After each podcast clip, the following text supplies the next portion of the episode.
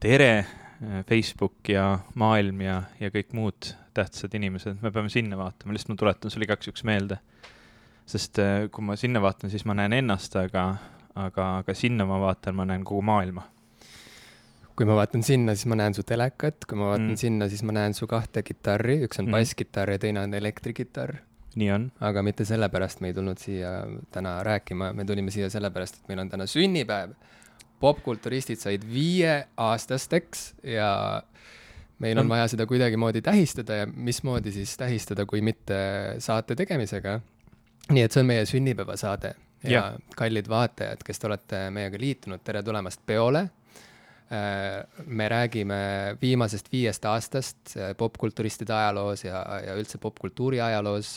Väga subjektiivse mätta otsast muidugi ja teeme ka ennustusi järgneva viie aasta kohta, kohta, et mis võiksid olla arengud, taandarengud, ähm, mis võib-olla siis äh, võiks meid ees oodata nüüd, kui me veel edasi elame, elame selle pandeemia üle, vaatame edasi äh, sarju, filme, mängime videomänge, loeme raamatuid, käime kontsertidel, loodetavasti. Ähm, ja, ja siin me oleme. tere tulemast äh, peole! tere! Äh, ma loodan, et te olete kaasa võtnud oma Covid tunnistused. Äh, on need siis vastavalt sellele, kas te olete vaktsineeritud või, või, või mitte haiged või äh, läbinud just testi või, või läbi põdenud või, või mida iganes, et te olete need kaasa võtnud, te saate meile neid näidata, me saame neid skännida, teha isikutuvastuse ja siis edasi vaadata, kuhu me, või noh oh,, vabandust, me, me mõtlesime teha ju tegelikult, eks ole, päris, päris nagu live-ürituse, aga, aga siis kuidagi läks asi niimoodi, et me ei korraldanud seda mm. -hmm. mis ongi üks suurimaid äh, põhjuseid, miks seda üritust ei toimunud. see ei olnud ainus ja. põhjus, aga, aga üks see oli põhilisi. üks põhilisi põhjuseid. ja, ja siis me mõtlesime, et okei okay,, et äh, vähemasti me tahame ikkagi nagu, kuigi sünnipäevast nüüd ametlikult on möödas natukene üle kuu aja, et me tahame ikkagi kuidagi ära märkida, et me oleme tõesti viis aastat seda saadet teinud, viis aastat seletanud äh, täiesti äh, endalegi üllatuslikult on neid saateid juba, juba nii palju, neid teemasid nii palju, millest üldse rääkida on, on olnud, noh, tegelikult, kui me ausad oleme, me räägime umbes täpselt kolmest teemast. täpselt nii on, jah ähm,. et meile ei meeldi sotsiaalmeedia, see põhjustab meis väsimust ähm,. Kanye West on imelik ähm, või siis geenius ja põlvkonna hääl. Ähm, ja, ja mis meil veel on, see on kaks teemat, ma kardan, et rohkem leida ongi nagu su- ah,, videomängud. videomängud, videomängud, jah. Ja.. see on lahe, et sa just need märksõnad välja tõid, sest et äh, äh, ma olin täna päeva esimeses pooles Haapsalus ja saagisin äh,, sest et seal on palju saagida vaja See, see on, ma tean, et seal võeti puid maha kõvasti ja nüüd, nüüd vist seal jätkub. jah, kusjuures ongi nii, et äh, sealsamas meie kodu juures äh, äh, saeti kõik puud maha, rebiti koos juurtega maa seest välja, asfalt kõik kaevati üles ühesõnaga see näeb välja nagu sihuke postapokalüptiline selline tühermaa nüüd, et see, see väike äh, vaikne, armas äh, mereäärne linnake, mida, mida kunagi turistid külastasid ja, ja kus inimesed käisid puhkamas ja kus Tšaikovski armastas istuda ühe pingikese peal. see, seda linna enam ei ole ja, ja ma mõtlesin ka, et noh, et mida ma siis omalt poolt teha saan, et äh, ma ei hakka ju istutama uusi puid, sest et nad kasvavad nii kaua. nii et ma lihtsalt hakkasin ka saagima, ma mõtlesin, et mm -hmm. noh, et see on see uus Haapsalu, mulle meeldib väga see, et äh, mulle meeldib olla kohaneja, mulle meeldib olla nagu sihuke kameeleon Äh, see on nagu see minu teema kuidagi ja, ja nüüd ma sain ja ma saagisin ja kuulasin meie kõige esimest osa, mis läks eetrisse juunis kaks tuhat kuusteist, täpsemalt see vist oligi. see oli vist äh, jaanipäev äh,. mul on siuke tunne. ei, kaheksateistkümnes juuni see oli siis, kui me ta minu meelest laadisime üles, aga veel kellelegi ei näidanud, aga see päev, millal me otsustasime, et nüüd on nagu okei okay, teda jagada. Kogu maailm, minu meelest see oli kahekümne neljas. aga ma, ma ei see ole nagu sada protsenti ikka veel, noh, ühesõnaga ajalugu. osa läks üles kaheksateist juuni kaks tuhat kuusteist ehk siis natuke rohkem kui viis aastat tagasi ja, ja meie põhiteemad seal kohe olidki, alustuseks me rääkisime, et miks me üldse podcast'i hakkasime tegema, me mm -hmm. rääkisime, et meile kangesti meeldivad podcast'id, me rääkisime ka sellest, et sõna podcast on äh, võõrapärane ja tuleks ära äh, muuta eestipäraseks. ja siis sa muidugi ütlesid taskuhääling ja ma ütlesin, et ei, ei, ei, see on keelatud mm. -hmm. ja äh, kui me räägime sellest, et mis on viie aasta jooksul toimunud või muutunud, siis ma täna Haapsalus saagides sain aru, et äh, ma suudan elada tegelikult sõnaga taskuhääling. jah, sest see kampaania leida parem sõna on ebaõnnestunud see on ebaõnnestunud ja mulle hakkas see ühtäkki tunduma nunnu ja see ühtlasi on tõestuseks ka selle kohta, et ma ei ole enam see, kes ma olin mm. -hmm. ja, ja see, kelleks ma olen saanud, ma ei ole kindel, et ma tahtsin saada okay.. aga ma ei tahtnud no, nagu noh, selles mõttes, et väga nagu hämaraks pöörata kogu seda peo meeleolu, ma tahtsin hoopis rääkida sellest, et me rääkisime Kanye Westist, me rääkisime Frank Zappast, sellepärast et sa ütlesid, et et kui peaks saatma kosmosesse tulnukatele väikse kohvritäie muusikat, et mis, missugune muusika iseloomustab kahekümnenda sajandi lõpu või kahekümne esimese sajandi alguse popmuusikat kõige paremini, et siis Frank Zappa sinu meelest oli just nimelt see muusik, kelle looming võiks seda kõike nagu esindada kõige paremini, mina ütlesin, et Radiohead sobiks selleks kõige paremini. nii et me saatsime esimeses osas kohvrid kosmosesse mm -hmm. äh, muusikaga ja, ja see, need kohvrid siis sisaldasid, sinu kohver sisaldas Frank Zappa äh, täit diskograafiat ja minu kohver sisaldas Radioheadi terviklikku diskograafiat ja ja me rääkisime ka sellest, et Radioheadi uus album oli välja tulnud äh,, selle albumi pealkiri oli A Moon-Shaped Pool ja huvitav on see, et äh, see oli viis aastat tagasi? see oli viis aastat no. tagasi ja neil ei olegi pärast seda ühtegi uut albumit tulnud. ja, ja mis on eriti kummaline, on see, et äh, noh, kuidas elus käivad asjad kuidagi niimoodi tsükliliselt ja spiraalides.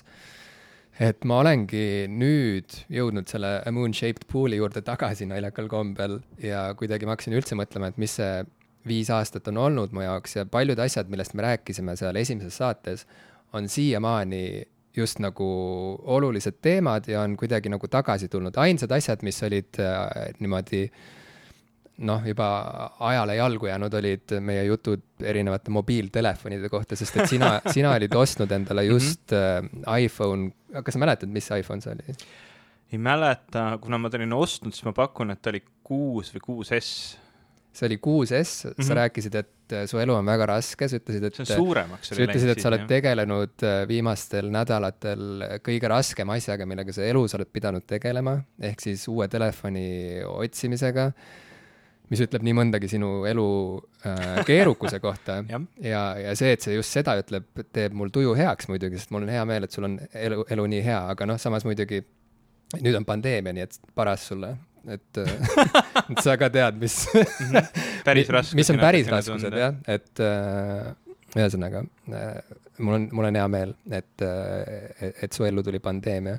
aga, aga see on see, see telefon oli sul 6S ja, ja, ja, ja sa rääkisid jah, et su elu on hästi raske, et sa oled pidanud käima mööda elektroonikapoode ja, ja, ja su peas käis ainult selline üks refrään ja see oli kas Samsung S6 või iPhone 6S, kas Samsung S6 või iPhone 6S ja siis sa sõitsid Keilasse koju tagasi, vaatasid äh, analüüsivaid videoid, läksid jälle poodi, käisid seal ringi nagu kuutõbine. mingil hetkel sulle lihtsalt anti minu arust tasuta see iPhone 6S ja lihtsalt lükati uksest välja, et palun, et sa hirmutad lapsi, põhimõtteliselt oli see turvameeste tagasiside. seda ma ei mäleta, aga see võis nii olla. ühesõnaga, ja minul oli Google Nexuse telefon mm, -hmm. nii et nagu nende tele, see telefoni jutt oli ainus asi, mis kuidagi paigutas meid hästi selgelt aastasse kaks tuhat kuusteist, aga muus osas see, et Kanye West on äh, imelik geenius see, see, et Frank Zappa teeb äh, olulist ja tegi ähm, äh, muusikat, mis tekitas mõtteid ja tundeid ja, ja oli äh, kõige paremas mõttes veider, see kõik kehtib endiselt. A Moon-Shaped Pool endiselt on Radioheadi kõige hiljutisem album ähm,. ja mis veel? Me oleme inimestena väga-väga vähe kasvanud selle aja jooksul mis on iseenesest nagu nukker. see on nukker, seda võis oodata, aga see on ikkagi pettumus. üks asi, mida, mida ma ise mäletan võib-olla nendest kõige alguse osadest, on see, et et kui me hakkasime esimest korda rääkisime videomängudest või, või arvutimängudest või kuidas iganes äh, neid nimetada, siis me olime väga häbelikud ja kuidagi nagu äh, mul on see sellepärast meeles, et pärast kutsuti meid, meid sellisesse podcast'i nagu Puhata ja mängida ja seal saatejuhid nagu kuidagi juhatasid sisse.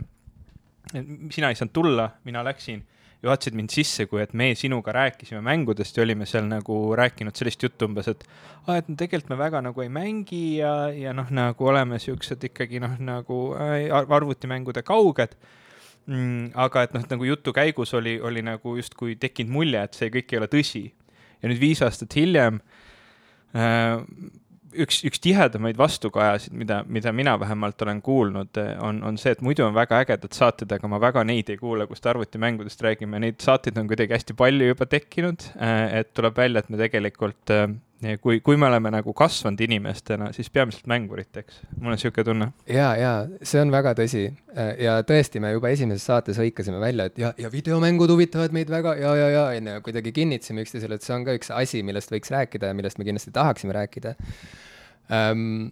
aga jah, oli mingisugune sihuke äh, valehäbi või mingisugune sihuke ettevaatlikkus äh,, mis oli otseselt kuidagi tulnud sellest, et ükski meie lähedane sõber muidu eriti ei rääkinud meiega mitte kunagi videomängudest. ja siis tundus, et see on niisugune asi, mida tehakse äh, öösel vaikselt omaette teki all, on ju. ja, ja nii me tegime, aga siis mingil hetkel me mõtlesime, et ei, videomängud on tulevik ja kogu maailm äh, nõustus meiega. ja tänu meile on mängutööstus jõudnud hüppeliselt selle viie mhm. aastasega, viie aastaga nii kaugele, et äh, ja see on nüüd tõsijutt, et, et mängutööstus on äh, suurem tänasel päeval, kui on näiteks televisioon. suurem kui ja. filmitööstus, ei, vabandust ma olen nüüd segaduses. siit, siin kõlavad ainult, ainult äh, faktid siin saates täna. suurem kui filmitööstus ja suurem kui äh, näiteks äh, ja palju suurem kui kirjastusmaailm näiteks. et äh, televisioon veel edastab videomängutööstust mm. -hmm. aga, aga filmikunstist on see jõudnud oma siukselt nagu turuvägevuselt äh,, turu suuruselt edasi.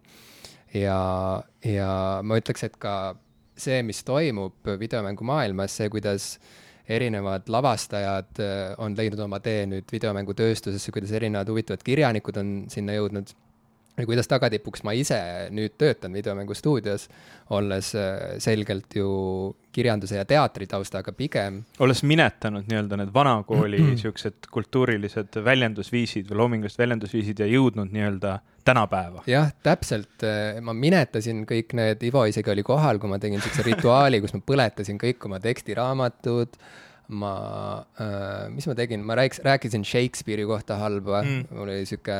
sul oli ette valmistatud nii-öelda lühike, lühike selline mm, essee Äh, mille sa siis nii-öelda ette kandsid ja, ja, ja põlema panid, et, et ka see ei säiliks. jaa, täpselt nii ja Ivo oli seal, Ivo, sa olid väga mureliku näoga, aga sa ikkagi ja, kuidagi olid lõpuni. sõpra peab toetama. peab, jah, peab toetama, sõp-, kuule, sõprus on ka asi, mis see, on tekkinud viie aastaga.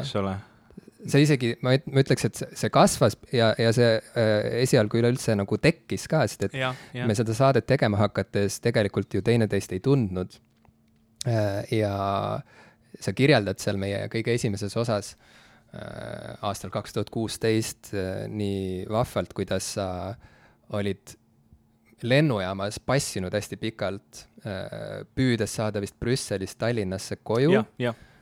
või Keilasse koju ja ei, sa siis elasid siis Tallinnas. siis ma elasin Tallinnas, jah. ja, ja siis sa kuulasid kõik oma podcast'id ära kõik oma taskuhäälingu osad, mis sul telefonis olid ja mis sulle huvi pakkusid ja siis need said otsa ja siis hakkasid äh, uuesti kuulama mingeid vanu osi, mida sa olid juba kuulanud. sest et äh, sa pidid passima ja passima ja passima seal ja midagi põnevat ei toimunud. Ja lõpuks, kui sa öösel jõudsid koju, siis sa nägid, et ma olin äh, Facebookis vist rohelise siukse nagu tulukesega esindatud, just nagu ma oleksin online, kuigi ma tegelikult ei olnud. Ja siis sa mõtlesid, et aa aga teeks selle vennaga podcast'i mis paneb mind jällegi mõtlema, et see on vist väga nagu, sa vist olid nagu valmis ükskõik kellega tegema seda podcast'i, põhimõtteliselt. Sa olid, äh, sul oli see reisi sihuke deliirium juba, sa olid äh, kuuskümmend korda kuulanud oma äh, vanu podcast'i osi läbi ja siis mõtlesid, et ma lihtsalt lähen vaatan, kes Facebookis on ja hakkan selle inimesega podcast'i tegema, sest et kõik osad on otsas ilmselgelt juba, mida kuulata saaks. no see on selline hea nagu asi, mida öelda, et aa, sa olid online või kuidagi, et, et noh, nagu jäid ette ja sellepärast, aga kui ma, kui ma nagu peaksin olema täiesti aus siis ma, ma enam ei mäleta, miks, miks ma just mõtlesin, et sinuga oleks hea podcast'i teha, ma olin, ma olin üsna kind- või ma olen täna üsna kindel, et mul oli mingi nagu spetsiifiline põhjus, miks ma mõtlesin, et aa, et tagantjärele mõeldes sa lihtsalt enam ei saa aru, mida sa minus nägid. ei no tagantjärele mõeldes oli see õige valik ju, vaata. kas aga, oli? aga, aga, aga mi- ei no vaata, noh, paralleel paralleel paralleelreaalsusi ei tea. Aga, aga valik oli kindlasti õige, aga miks ma selle valiku tegin või miks ma spetsiifiliselt just sulle kirjutasin, seda ma enam ei mäleta. kas sul oli mingeid varu ma tahaksin midagi, ma tahaksin mid- midagi nagu väga sellist ausat öelda, et võt-, oma hingelt nagu, nagu ära rääkida nüüd viis aastat hiljem, et tegelikult nagu tead, Jim, see põhjus oli see, aga tegelikult ma ei mäleta seda põhjust. aga, aga, aga ei, ma ikkagi jään selle juurde, et, et see oli nagu ääretult õige valik, sellepärast et, et tõesti, me oleme saanud äh, selle aja jooksul väga headeks sõpradeks ja, ja, ja see on kuidagi nagu selline sõpruse crash course, vaata, et noh, nagu üldiselt enamus oma sõpradega, kuigi meil on head suhted, siis ma kohtun üsna harva ähm,. ja, ja need teemad, millest, noh, kunagi, kunagi ei ole nagu mingit pressure'it, et, et leida mingeid uusi teemasid näiteks, millest rääkida või, või, või no isegi, isegi, et oleks nagu millestki põnevast rääkida sa. räägid praegu enda eest, ma lihtsalt täpsustan. ja, ja ei, ma lihtsalt mõtlen, et noh, nagu noh, on lihtsalt igasuguseid vestluseid, on põnevamaid vestluseid, on igapäevasemaid vestluseid, on, on, on kõike värki, aga ei ole sellist nagu survet iga kord, kui me kohtume, leida mingid uued teemad, et noh, nagu ka teistel nii-öelda ümberringi oleks põnevam kuulata, mistõttu läbi selle viie aasta vahepeal iga nädal põhimõtteliselt saadet tehes ähm, ma olen ilmselt sinuga rääkinud äh, äh, oma sõpradest kõige rohkem võib-olla vä- või noh, kindlasti välja arvatud oma abikaasa, kellega ma igapäevaselt räägin, eks ole, et, et see on nagu võib-olla selline, selline rohkema suhtlusega äh, suhe. aga kõikidest sõpradest, siis ilmselt ma olen sinuga kõige rohkem rääkinud äh, erinevatematel teemadel üldse vist inimest ja se- ja selles mõttes ma mõtlen, et sihuke nagu sõpruse crash course, et kui te tahate kellegagi heaks sõbraks saada, te täna veel ei ole, tehke podcast. jaa, lihtsalt vaadake, kas ta on online jah, jah, see on esimene ja vahet ei küsimus. ole, kas kell on neli öösel või, või kolm päeval, lihtsalt äh, visake kiri teele ja öelge, et äh, on aeg hakata tegema podcast'i, tule, tule minu juurde ja siis saadad oma aadressi. võid Google Maps'i lingi saata ka, Ivo näiteks täna saatis mulle oma praeguse äh, korteri aadressi Google Maps'i lingi kaudu ja ma eksisin totaalselt ära, nii et tegelikult see ei pruugi toimida, ja tundub aga, aga siis sa nägid mind aknast lõpuks ma just mõtlesin, et, et keegi, kellelgi ei ole otseselt olnud probleemi siia tulemisega, küll aga paar korda on küsitud, siis ma just mõtlesin, et ma sulle spetsiifiliselt, et ma tahan, et sa jõuaksid õigel ajal kohale, me jõuaks valmistuda, et ma saadan nagu, nagu selle täpse koordinaatidega punkti Google Maps kaardile, tule siia. nii et ma ei tea, kuidas sa ära eksisid, aga, aga ilmselgelt see on võimalik. see on võimalik ja, ja sellega see teema lõpeb praegu meil on, meil on, meil on tulnud juba esimesi küsimusi, ma kindlasti ütlen teile, et kui te meid praegu siin Facebookis, eks ole, laivis kuulate, te võite meile küsimusi saata. meile kirjutas Maarja-Liis siin, et, et ähm, talle meenuvad mõned tsitaadid saatest, kus äh, Jim oli küsinud siis minult, et kuidas ta saaks olla minu jaoks rohkem full bono. ma ei mäleta absoluutselt konteksti ja, ja, ja, ja ta küsib, et kas siis Jim on arenenud rohkem Bonoks täna ähm,. ma arvan, et me rääkisime seal U2 lauljast Bonost, ma ei, ma tõesti ei mäleta, mis kontekstis mul, aga, aga mul on tunne, et Jim on nagu selles mõttes, Bono elab ju UK-s, eks ole. no ma usun, et tal mingisugune place ikka on seal Jah. kuskil, on ju. et noh, kindlasti ei ela ta Eestis, nii et see, et sa oled kolinud UK-sse, võib-olla teeb sind natuke rohkem Bonoks pean nõustuma. aga, aga õnneks sa ei ole muutunud selles mõttes rohkem Bonoks, et sa, et, et sa ma ei tegele heategevusega näiteks, et õnneks, õnneks ma siukse asja ei, võib-olla lihtsalt inim, inimeste hukkamõistmisega laval, aa, keda ta hukka mõistis? kõiki.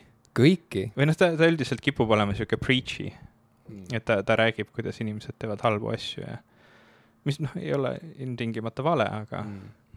noh, ühesõnaga ma, ma ei, ma ei tea, kas sa ise tunned, et sa oled täna rohkem Bono kui kui Sada protsenti. okei, ma tunnen mitte ainult, ma ei tunne mitte ainult, et ma olen sada protsenti rohkem Bono kui varem, ma tunnengi, et ma olen sada protsenti Bono Hmm. tänaseks päevaks.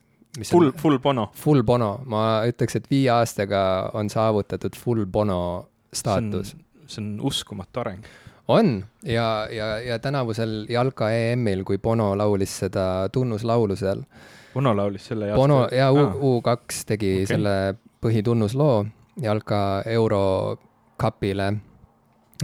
siis iga kord, kui ta laulis, ma tundsin, et äh, nagu mina laulaks mm. -hmm. nagu, nagu see laulu äh, meloodia tuleks minu seest ja mm. -hmm. jõuaks nende kümnete miljonite jalkasõprade teleritesse, et see oli väga kummaline kogemus. Aga see on üks areng tõesti, mis on toimunud see, selle viie aasta jooksul. ma ta-, jah, ma ka julgustaks inimesi siin äh, meile näiteks õnne soovima, ma vaatan, et Kristi on meile õnne soovinud, ütleb, et viis on ilus number. tublid poisid Ivo ja Jim. ja meie täname Kristit, sest et Kristi on üks meie äh, truumaid kuulajaid ja aitäh sulle, Kristi, et sa oled endiselt meiega. see, see on, see on kõige imelikum ja kõige ägedam asi üldse, et on endiselt inimesi, kes meid kuulavad ja et on inimesi, kes on meid kuulanud algusest peale äh, praktiliselt ja, ja endiselt teevad seda.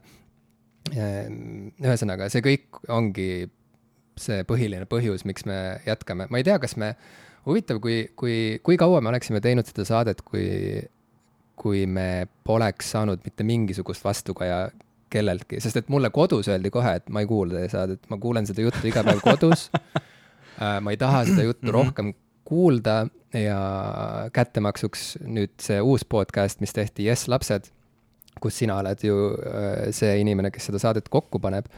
et ega ma seda ka ei kuula ja see on mm, ja ma, mhm. ma tahaks kuulata, aga see on ego, ego ei luba. ego lihtsalt ei luba, mul lihtsalt mm. -hmm. sõrm ei tõuse, et vajutada äh, subscribe sellele saatele, aga teistele kõigile ma väga soovitaks Jess lapsed podcast'i, kus siis räägitakse äh, noh, asjadest, mis inimeste igapäevaelu päriselt äh, just nagu võiksid mõjutada erinevalt. mitte, mitte küll nii palju kui popkultuur, eks ole, noh, sihuke, siuksed vähem tähtsamad teevad nagu pere ja, ja lapsed ja muud. suhted, psühholoogia, sihuke noh, ninnu-nännu, aga, aga siiski nagu tasub ka seda poolt aga, ja aga ka meil on omad tugevused, me siin joome kummeliteed mm.. näiteks. omad nõrkused sa tahtsid öelda? minu, minu jaoks on kummelitee kindlasti nõrkus. jaa, aga podcast, kus juuakse otse-eetris kummeliteed, aa, seda Ja- küll, see ja- on tugev. see on, see on märk tugevusest minu meelest. see Jaa. tähendab seda, et äh, me ei pea ennast, me ei ole nagu need mingid Twitch'i striimerid, kes peavad jooma otse-eetris äh, liitrite kaupa Monster Energy mm, drinki mm. Äh, ja, ja mingid neoonsed LED valgustid sähvivad taustal ja äh, peavad, me, me istume tavalistel köögipukkidel, me joome kummeliteed äh,, tähistame vaikselt niimoodi oma sünnipäeva ja banaani, küüslauku. jah, jah. igaks juhuks, kui vampiirid peaksid tulema, ja siis no me, siis me oleme pandeemia juba algas, kurat teab. et, et, et ja, ja, ja ikka leidub inimesi, kes meid kuulavad, nii et äh, ühesõnaga, me jõuame tagasi sinna, et kui sa tahad sõpru leida, siis lihtsalt tee temaga podcast, sest podcast'ide latt on väga madalal. et igaüks võib teha absoluutselt ja võib täitsa vabalt lohistada viis aastat välja koos sõbraga ja, ja sõprus kasvab ja, ja läheb aina lõbusamaks. aga tüürides seda juttu tagasi selle ma, number viie ma siin peale, vahepeal ütlen ka seda, et tegelikult Maarja-Liis ütles, et ta müslit, müslit ei oska teha, viidates siin nii kingitusele, mis me saime, mille me koos ära tarbisime müsli näol, aga saia ka nii väga mitte, aga ta kirjutab luulekogu ja kui see vähegi kõnetab, et siis, siis, siis ta kingiks selle meile müsli asemel, mis on veel eriti tore. no minul tõtt-öelda on Maarja-Liisi luulekogu olemas, kui jutt käib tema debüütteosest ja see on mul juba läbi loetud, juba nauditud, juba ootan järgmisi lugemisi, et sealt üle lugeda äh, ridu, mis eriliselt korda läksid. kui aga jutt käib järgmisest teosest, siis absoluutselt äh, saada teele, aga kui, kui tahad saata debüütluulekogu, siis äh, Ivole võid saata, mul on juba olemas, mul on seal isegi autogramm sees. nii et I m all set selles All mõttes, jaa. Aga sinul on siin nii vähe raamatuid, et sulle, sulle võiks, teised on pööningul. isegi teised äh, vaatajad võiksid sulle saata, kus pööningul? Äh, vaata, me siin, kas see oli eelmine saade või? me rääkisime, kuidas ma maja ehitan. aa, seal, seal pööningul on jah. seal majas, mida sa lammutad parasjagu, seal on Jah. kõik su raamatud selle tolmu sees ja ei, ei, nad, nad on pööningul. pööningut ma ei lammuta. pööning on, pööning on selline, nagu, nagu see olema peab ja, ja Jah, selliseks see jah. jääbki või? päriselt sa pööningut ei puutu? Praegu mitte, ma kõigepealt tahaks seal elada see on nagu prioriteedid on see, et pööningul saab praegu asju hoida mm, -hmm. näiteks raamatuid mm -hmm. ja kõiki teisi asju põhimõtteliselt ka. ja siis, siis, siis kui, kui me juba seal elame, siis võib-olla üks päev ma teen pööningut natuke ilusamaks. okei okay., Airbnb-ks? ei, ei, ei, see ei ole nii suur pööning no.. ma ei, mis ma nende inimestega seal teen? röövid neid? ma ei taha ma mõtlesin, et, et rääkides viiest aastast veel mm,. naljakas on see, et ühest küljest tundub nagu eriti mitte midagi poleks muutunud, et mingisugused asjad, mida me siis pidasime oluliseks, on endiselt kuidagi olulised ja, ja võib-olla rohkemgi veel kui varem, sest et näiteks äh, kohe esimesest saatest käisid, ma kuidagi hoidsin kõrvu kikkis, et, et kuulda, kas, kas me mainime ka mingisuguseid voogedastus platvorme, kas me mainime mingisuguseid, ma ei tea, äppe, mida me kasutame, mida tänaseks on kuidagi raske isegi äh, ära tunda, sest et pole ammu mõelnud nende peale. aga ei, me rääkisime, näiteks ma ütlesin, et ma ei ole kuulanud Radioheadi viimast albumit, Moon-Shaped Pool. nüüd ma saan aru, oled. sest et see, no nüüd ma olen palju seda kuulanud ja ma olen sellega, selle juurde ringiga tagasi jõudnud, nagu ma sulle ütlesin, aga et äh, äh ma ütlesin, et ma ei ole seda kuulanud, sest et see veel ei ole Spotify's selline probleem oli mul mm. -hmm. nii et Spotify oli meie igapäevane äh, abiline juba siis. Netflix oli ka. Netflix oli ka mm -hmm. äh, ja sest, et me rääkisime ka Netflixist põgusalt.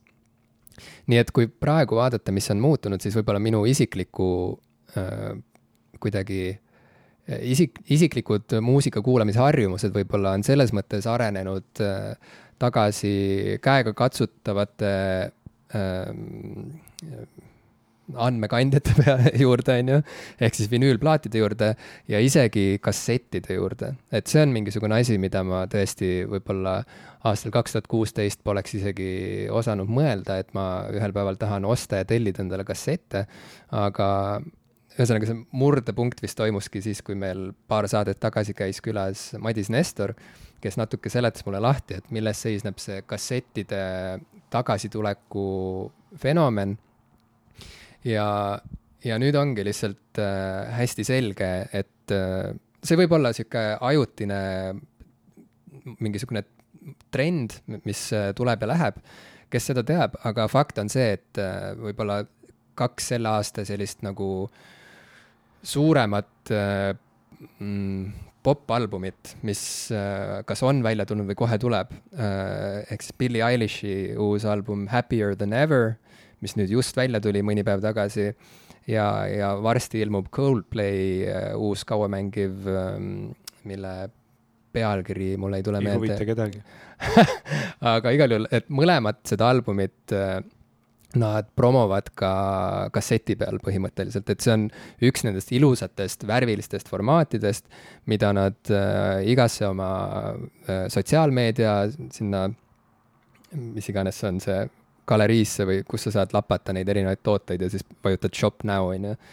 mida nad mm -hmm. sinna lükkavad ja mida nad oma kodukale lükkavad, et see on äh, asi, mis lihtsalt nagu näeb nunnu välja ja on jõutud jälile, et, et see tekitab väga paljudes äh, muusikasõprades ikkagi piisavalt palju nostalgiat, et nad päriselt tahavadki endale koju riiulisse osta ühte niisugust väikest nunnut plastikust äh, sellist äh, helikandjat ka, mida võib-olla ongi lihtsalt armas vaadata, vaevalt et nad seda nagu ülipalju kuulavad, aga, aga see lihtsalt on nunnu ja, ja ongi praeguse seisuga ma vist viimase paari kuu jooksul, ma viimati ka ütlesin sulle, palju ma olin ostnud neid kassette, aga tegelikult see number oli vale, et tegelikult ma vist olen kas neli või viis kassetti lausa ostnud, ma ühte ootan. kas, kas sul kuskil neid praegu juba mängida ka on või? jaa, mul on kaks äh, sellist pisikest kaasaskantavat äh, kassetimängijat mm. -hmm.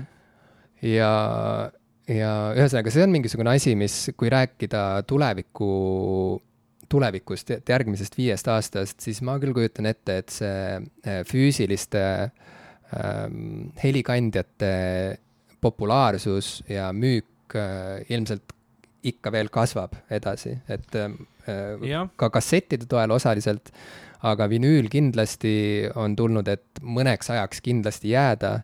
Aina rohkem inimesi hangivad endale vinüüle ja mul on niisugune tunne, et CD-sid on isegi nagu raske leida, kui sa astud muusikapoodi sisse, siis põhimõtteliselt sa näed ainult vinüüle praeguseks, praeguse seisuga, mis on väga suur muutus. jah, CD, CD-plaatide puhul on see, et ma, ma olen ise nagu hästi palju mõelnud CD-plaatide puhul, sest mul on neid üsna palju, nad, nad on pööningul samamoodi ka nagu minu vinüülplaadid ja kassetid ähm,.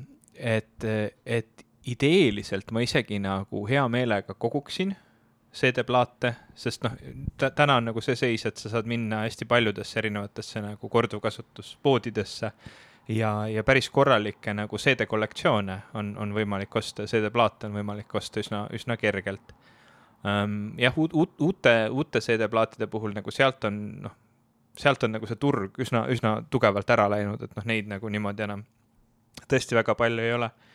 aga, aga eks see lõpuks nagu sihuke kogumise värk, noh, põhiline probleem mul on al alati olnud, et justkui nagu sul on, eks ole, vinüülid, siis ma ostaks nagu kassette ka ja CD-plaate, siis neid nagu erinevaid muusikakandjaid on nii kohutavalt palju, et mul, mul on nagu frustreeriv, kuhu need kõik panna.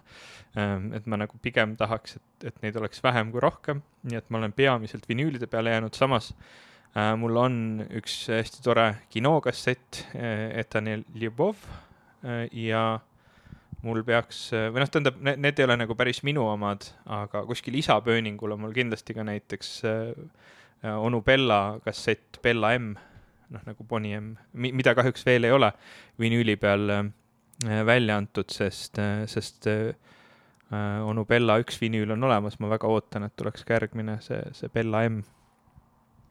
meil on vahepeal siin küsimusi ka tulnud. näiteks selline põletav küsimus Kaisa poolt nagu Limpa versus Lotte sinul on lapsed, mina ei tea nendest tegelastest väga mitte midagi, ma hakkasin mõtlema selle peale, et limpa vist teeb, eks ole, on mingid jäätised, kas limpal on limps ka, sealt see nimi vist tuleb, eks ole, et on see, kas on Tartu limonaad on limpa või? Äh, ma seda L. Lotte on see.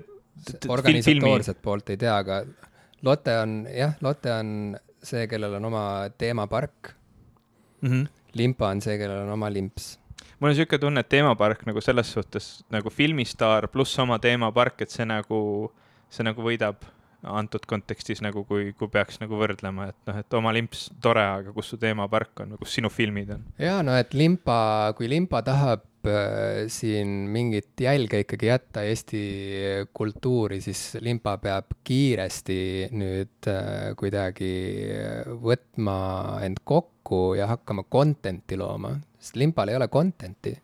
Lotel on mm., Lotel on filmi content, mitu filmi, Lotel on mingi neli, kolm-neli oh. filmi minu arust või okay., ühesõnaga meil on kodus vähemalt on sihuke kolme, kolme DVD-ga, ei, mitte limpa, vaid Lotte. vabandust, jah Lot, Lotte DVD boks ja, ja siis üks DVD on meil veel puudu, nii et tal on kolm-neli filmi minu arust ja mm. wow, ähm, okay või siis on nii, et, et kaks nendest DVD-dest sisaldab nagu neid seriaale ja, ja, ja, ja kahel on veel filmid, mida iganes, igal juhul Lotte on tootnud content'i, Lottel mm -hmm. on raamatud mhm, loomulikult mm. -hmm.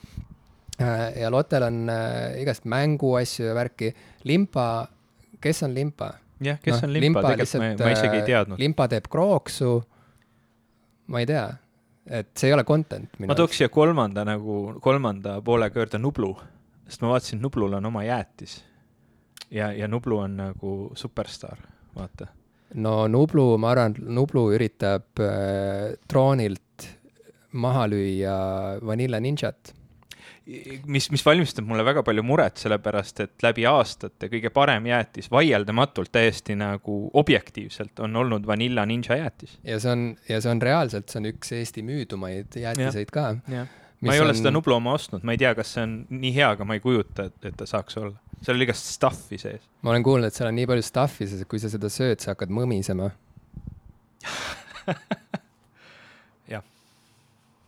aga Vanilla Ninja ju teeb ka comeback'i ja ma arvan, et nad tundsid. ma kuulasin seda lugu umbes. ma arvan, et nad tundsid, et äh, natukene keegi hingab kuklasse ja see oli Nublu, kelle jäine just viis jäätist ära söönud hingeõhk äh, sinna kuklasse vastu kukalt puutus ja nad said aru, et selleks, et see jäätis ikkagi püsiks äh, poodide lettidel, on vaja hakata tootma jällegi uut content'i, nii et content, content, content. on mm, -hmm. on võlusõna.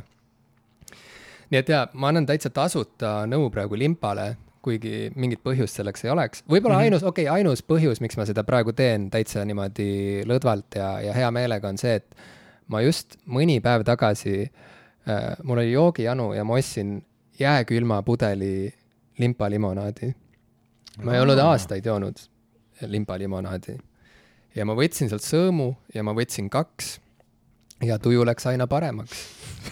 Ja sellepärast ma olen nõus limpale andma nõu, et äh, see mõnus jäine limps tuletas mulle meelde, kuidas ma kunagi olin sellest limonaadist sõltuvuses mm. lapsena. ma pidin seda saama kaks pudelit päevas, äh, see oli väga jube, ma varastasin vanaemalt raha, et osta limpat, ma reetsin oma sõpru ma müüsin oma dokumendid maha, ühesõnaga see oli väga-väga ränk Õpi,. õpilaspileti. õpilaspileti jah, täpselt, õpilaspileti ühesõnaga. karm märk, jah. Äh, et ähm, limpal on olnud oluline koht mu elus, aga limpal ei ole content'i, nii et limpa äh,, hakka content'i looma. ma ei ole aastaid ostnud limpa, limpa limonaadi küll, aga kui ma Eestisse tagasi kolisin, äh, siis äh, üks asi, mida ma väga tahtsin juua ja mida ma olen nüüd mitmel korral poest ostnud, oli tarhunn mis mm., mis minu meelest ületab, ületab limpa, et kui, kui siin nagu läheb auhindade jagamiseks siis kindlasti Vanilla Ninja jäätis ja tarhunn. Äh, kõige parem oleks veel see Tšernogologo tarhunn, mis on, mis on minu meelest kõige maitsvam. et, ähm, et seda tahaks küll. siin on tulnud üks väga sisukas äh, kiitus, ma arvan, et see on kiitus, lõpeb sellega, et, et, et loodetakse, et me viitsime podcast'ide lati alt läbi joosta ka edaspidi, nii et see natuke tekitab mulje nagu äh, Äh, löödi nuga selga põhimõtteliselt Backhand. natukene, jah, et saime praegu nagu, et algab nagu kiitus ja siis ütleb, et loodame, et, et, et nüüd siis äh, meil on edaspidigi jaksu, et me viitsime joosta podcast'ide lati alt läbi. see on üks asi, millest me pole rääkinud, millised on sinu äh. suhted nugadega ei, tegelikult suur, suur tänu, William, et väga väga armas, väga, väga armas ja sisukas õnnitlus. ja siin ma vaatan veel äh, Ella caps lock'iga paneb, et Lotte ja siis väikeste tähtedega võidab ja siis siin on umbes võib-olla viis hüüumärki, sest meil on viies sünnipäev. Et jah, meie kuulajate seas on ka väga palju hardcore Lotte pooldajaid. ikka content, jah mm. -hmm. Content ikkagi loeb aga sa küsisid mult hoopis midagi muud. ja millised on su suhted nugadega? endis..., see ei ole meie saates äh, minu meelest tulnud äh, tulnud üldse teemaks, Uljem selle nüüd tõstatas niimoodi? no äh, ma nuge endiselt ei põleta. ma mäletan, et ah, jah, meil, meil oli er, eraldi teema. kusjuures see on nii, nii naljakas, et, et see oli meie um, see, kas, kas, kas see kuidagi ei olnud nii, et see oli viimane Raadio kahe saade äkki või? võib-olla oli jah, kus. või, või, või igatahes mul on sellega mingi seos, et ma mäletan, kuidas me nagu meeletult rääkisime sellest, et on, on normaalne, kui inimesed käsi pesevad ja hügieeni hoiavad ja siis tuli pandeemia mm. -hmm. ja sa rääkisid ka sellest, et äh, sind kuidagi šokeeri-, šokeeris ja endiselt vist äh, šokeerib see, kui ähm, hooletult inimesed oma nuge puhastavad. jaa, õige. jaa, me oleme ikkagi, ei, me oleme rääkinud oma suhetest nugadega, ühesõnaga. no see oli sinu okay, äh, oleme, teema peamiselt. ma lihtsalt kuulasin Suu Ammuli ja öö, tegin lolle kommentaare sinna kõrvale, aga põhimõtteliselt me jõudsime sinna, et äh, nuge tuleks desinfitseerida erinevate et kui sa oled lõiganud liha, siis parem oleks, et sa pärast seda nuga nagu puhastad nii, et oleks puhastatud, et need erinevad ei no sul võiks olla lihanuga ja sul võiks olla muu peale. nuga et noh, sul on toore liha jaoks oma nuga. me, me, me rääkisime sellest juba korra ma.... sa ei pea desinfitseerima seda, ühesõnaga pese oma nuad puhtaks, aga hoia, et sul on eraldi nuga liha lõikamiseks. ja siis me vist kuidagi jõudsime sinna, et äh, kui sa ei saa desinfitseerida või kui sa ei ole kindel, et sellest on piisanud, et siis äh, tasub ka nuga nagu tulle visata korraks? ei no sa võid ta tulle visata, aga, aga kuidas näiteks äh, metallist laboritehnikat desinfitseeritakse tihti on see, et sa sa katad ta õrna etanolikihiga ja põletad selle etanoli sealt maha mm. -hmm. et see oli see nagu nugade põletamise pool, mul on see on minu peotrikk tavaliselt, ma katan oma käe etanolikihiga ja põletan selle kihi sealt maha mm. -hmm. Yeah. La laste sünnipäevad tavaliselt ma tõmban niimoodi käima. et äh, mul tütrel just oli seitsmes sünnipäev. Kohe ütleme, jää oli murtud. ja teise trikina ma panen kahvli elektrisoklisse kust sa teadsid? ma, ma ei kutsunud ma, ma sind. nägin, ma nägin seda show'd Instagramist, keegi ah, okei, filmis. keegi, keegi tegi laivi, nojah, et äh, ühesõnaga, no nüüd siis maailm teab, aga põhimõtteliselt äh, kuna see on nii hästi inimestele peale läinud, siis ma olen mõelnud ka seda, et võib-olla äh, et võib-olla kutsuge mind oma laste sünnipäevadele, kui on vaja mingit meelelahutajat. ei, ma ei ütleks, et ehmatada, ega lapsed, mu tütar ka vaatab näiteks seda sarja Operatsioon Ai, oled sa vaadanud ei seda see on väga ma pole šokeeriv. kuulnudki siukest. seal sa, seal konstantselt näidatakse mingeid väikseid lapsi umbes lahtiste luumurdudega ja mingite suurte peahaavadega ja ja siis nad lihtsalt räägivad, et mis tunne on ja siis äh, erinevad, on see animeeritud või ei, ei, see on äh, Ühendkuningriigis äh, toodetud wow, julge selline nagu meditsiinisari lastele, mille eesmärk on äh, hirmutada lapsi. No näed, see tähendab äh,, la-, lastel on õigus teada harida lapsi. äh, harida jah, et lastel on õigus teada, kuidas, mis tööd arstid teevad näiteks, on ju.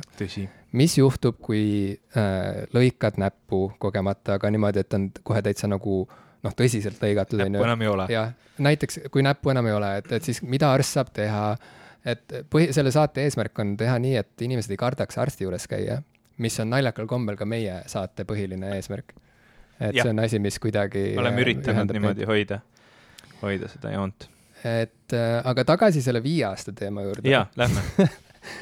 kas, kas sul on vahepeal äh, tekkinud mingisuguseid äh, flashback'e selle kohta, mis on olnud nagu aktuaalsed su jaoks äh, viimase viie aasta jooksul, mis on võib-olla võimen-, võimenenud, me rääkisime videomängudest, sinust on näiteks saanud videomängu striimer, mis on Jaa. kindlasti asi, mis äh, ma ei tea, kui palju sa selle peale mõtlesid äh, viis aastat tagasi, et, et seda võiks proovida, aga nüüd reaalselt sa oled viikingina olnud ähm, noh, miljardite äh, Twitch'i kasutajate ees ja ehitanud oma viikingi majakest. vähemalt neil kõigil on olnud potentsiaal mind vaadata, mis Ne- on kõige olulisem no no,. kas täpselt, nad on vaadanud mind, on omaette Neil on aga võimalus ka järel vaadata. enam ei ole. ma just vaatasin üks päev sinna, sinna kanalile, et kuna ma nüüd ei ole juba mitu kuud äh, mänginud äh,, siis ähm, siis need, need videod on sealt ära kadunud, nii et see on kuidagi, see on selles suhtes hästi nagu kurb äh,, kurb viis nagu elada, et sa teed nagu tööd, striimid näiteks on ju,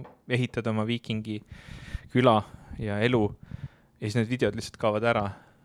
nagu ei olekski midagi olnud, et selles suhtes see, see natukene tekitas minus äh, ahastust. okei okay,, see on tõesti kurb, aga need videod elavad meie mälus edasi. no ma loodan me, saame, me saame need, need videod panna laulu sisse ja siis need ei kao kunagi. näiteks sest et sinu viiking, tema nimi oli Rökk, ja, ja, ja, et siis me peaksimegi tegema näiteks albumide laule sellest, kuidas Rökk äh, ehitas palkidest maja endale.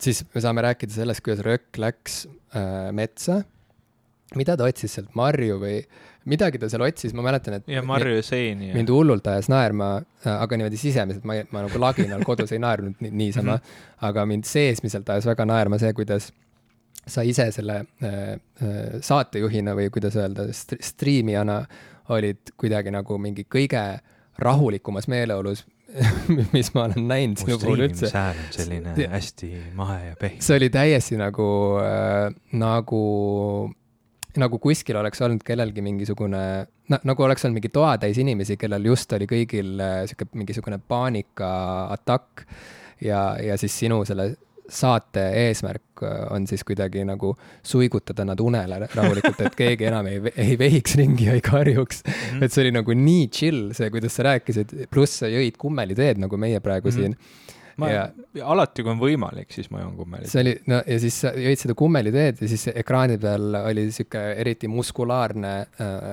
viiking Rökk, kellel oli vaja siis minna metsa asju ajama ja esimese asjana äh,, tähendab, sa rääkisid, kui ilus see mäng on ja kui chill, kui rahulik see äh, kuidagi see keskkond seal on, kui ilus see loodus on, kuidas seal, sulle meeldib seal metsas ringi jalutada, kirjeldasid seda rahu ja ilu ja siis võtsid välja mingisuguse nuia ja lõid esimese ettejuhtuva hirve lihtsalt äh, kuidas öelda nüüd, sa lõid teda ja ta plahvatas. jah, et Jah. ja siis sa aga ma rääkisin ka sellest rahuliku häälega, kuidas see tekitas mus igasuguseid selliseid eetilisi jah küsimusi., et mulle tegelikult ei meeldi, et siin mängus on kõik nüüd nagu nii vägivaldne, et, et, et need loomad peavad plahvatama, aga Mhm. noh, mul jahtida on vaja ja kuidagi, et see kõik oli lihtsalt ähm,, mulle väga meeldis see äh, vastuoluline, ent siiski kummalisel kombel väga äh, ilusti kokku kõlav selline sisu, kus siis nagu mm. jutustaja hääle mahedus ja rahu kuidagi väga hästi tasakaalustas seda ekraanil toimuvat võikust mm. -hmm. aga kuidas röökil läheb? no vot jah, ma pole Rökiga mänginud nüüd juba väga pikka aega, kuigi kui sa ütlesid, et keegi võiks lugusid teha Rökist või laule, siis mul kohe kangastus ette, et kui, kui keegi võiks teha Rökist laule, siis see on ansambel Mört, kellel just sellel aastal tuli välja, välja enda esimene täispikk album Pange täis bängereid, äh, mis on selline album, mida ma kindlasti julgen, julgen väga soovitada, see on mu äh, üks lemmikumaid töömuusikaid olnud viimasel paaril kuul. Ähm,. ma, ma panen ta taha mängima, siis ma töötan. Äh, mis žanris see muusika on, ma pole kuulnud sellest albumist. Ega sellest kollektiivist. Um,. mis žanr ta on, ta on nagu selline ekstreemsem metal uh,, aga selline, selline huvitav, eesti keeles uh,. Neil on väga kihvt laul um, nimega Mees, kes teadis Ossi sõnu um,, mis räägib tööst läbi või, või, või ütleme siis kannatusest läbi töö, läbi, läbi igavese töö võib-olla siis või noh, nagu läbi endast mitte hoolitsemise ja töö. ja, ja nendel on väga tore laul äh, Soorebased, äh, mis räägib sellest, kuidas äh, vahel sa sõidad maanteel ja kuulad Vaiko Eplikut ja, ja siis juhtub autoõnnetus ja siis sa hakkad soorebaseid igal pool nägema ähm,. et see on väga nagu kihvt kollektiiv ja ma usun, et kui keegi suudaks nagu panna röki elu ähm, muusikasse, siis see oleks äh,, oleks mört kas sa mäletad, millist albumit sa parasjagu fännasid siis, kui me tegime oma esimese popkulturistide osa? ei mäleta, ma mäletan peamiselt seda, et me rääkisime seal A-rühmast. Korraks, jaa. mustast kuust ja me rääkisime üldse hästi palju, me rääkisime, me rääkisime meeletult palju igast bände ja asju läbi. me rääkisime sellest, kuidas Chalice oli esimene, kes ja. edukalt kodustas ja tegi enda omaks hip-hopi Eestis ja kuidas A-rühma laulmata jäänud laulud kuulub kuulus ja kuulub endiselt minu elu, äh, elu edetabelite, äh, muusika edetabelite selles nimistus väga kõrgele kohale. Mm, ent Chalice oli siis see, kes kuidagi tegi selle imetriki, et ta tõesti äh, tegi selle žanri äh, enda omaks ja, ja pani selle, kõlama nii, nagu see loomulikult võiks kõlada siin kultuuriruumis. samas kui A-rühm suuresti äh, kuidagi jätkas seda, mida nad ise olid fännanud üheksakümnendatel ja lihtsalt kuidagi toorelt siis pani selle kõik nagu eesti keelde ja, ja seal ei toimunud mingit suuremat sellist kuidagi, ma ei tea, kodustamist, vaid lihtsalt kuidagi võeti äh, ja, ja tehti. et Chalice kuidagi suutis äh, tuua Eesti muusikasse mingisuguse niisuguse orgaanilise versiooni hip-hopist, mis tundus äh, kuidagi selgelt selline nagu eestipärane aga see album, mida sa fännasid tol äh, kuul võib-olla siis, kui me seda esimest osa salvestasime aastal kaks tuhat kuusteist, oli John Lennoni poja ja tema sõbra ah, äh, selle, selle sõbra nimi mulle ei tule meelde, aga see oli igal juhul äh, mingisugune väga psühhedeelne album, kus äh, basskitarr Les Claypool, jaa, ta valjemalt kui laul. Claypool, Lennon Experience, Experience või midagi sellist. ja, ja, nad andsid es-, ühe albumi välja, see oli vist esimene album, millest me tol hetkel räägime, nad andsid ka teise albumi välja. Need on mõlemad on väga veider kuulamine, on väga kihvt, esimene mulle isegi vist meeldib rohkem, aga nad on tõesti see on pri-, see, see teine, teine mees siis, selle Lennoni poja sõber äh, on, on äh, bassist Les Claypool, kes on äh, ansambli Primus bassimängija Just, ja, ja, ja oluline siis ka muusikaline eestvedaja. aga räägime oma viie aasta edetabelitest, näiteks näed huvitaval kombel album, mida sa tol hetkel väga suure huviga kuulasid, on sul tänaseks juba praktiliselt meelest läinud aga kas on äh, vahemikus kaks tuhat kuusteist kuni kaks tuhat kakskümmend üks mingisuguseid albumeid, mis on endiselt sul kuidagi noh, pidevalt äh, meelel? See on, ma, ma kusjuures üks päev just mõtlesin sellele, et mis on olnud need albumid, et ma, ma olen hästi, noh, ma väga tihti liigun oma muusika maitses nagu sellega, et ma kuulan, mis on uuemad asjad ja siis ma liigun nagu vanade klassikute juurde tagasi, sest noh, mul ei ole nagu väga midagi selles osas teha. sa ikkagi liigud ju tihtilugu tagasi selle muusika juurde, mida sa nooruspõlves kuulasid, minu jaoks oli see äh, hard rock ja heavy metal. E, ja, ja igasugust siukest seitsmekümnendate ja, ja kuuekümnendate muusika väga palju ka progerocki, et noh, need, need, need albumid sellest ajast, mida tänapäeval nagu nimetatakse niisuguseks legendaarseteks, eks ole, roki albumiteks nendest ajastustest, on, on noh, nagu minul nagu sellised äh, Äh, elu, elu, eluperioodil, mis mind kõige rohkem defineeris, olid nagu kõige suuremad lemmikud, mistõttu ma nagu hästi palju hüppan nagu selle vahel, et ma ikkagi lähen tagasi ja mõtlen, et vau, et et kas nagu minu jaoks on, äh, on viimase, ma ei tea, noh, viie või kümne aastaga tulnud juurde albumeid, mis oleks nagu võrdväärsed mingite Beatlesite albumitega, mis mulle väga meeldivad või mingite, mingite raskema roki albumitega, mis mulle kohutavalt meeldivad.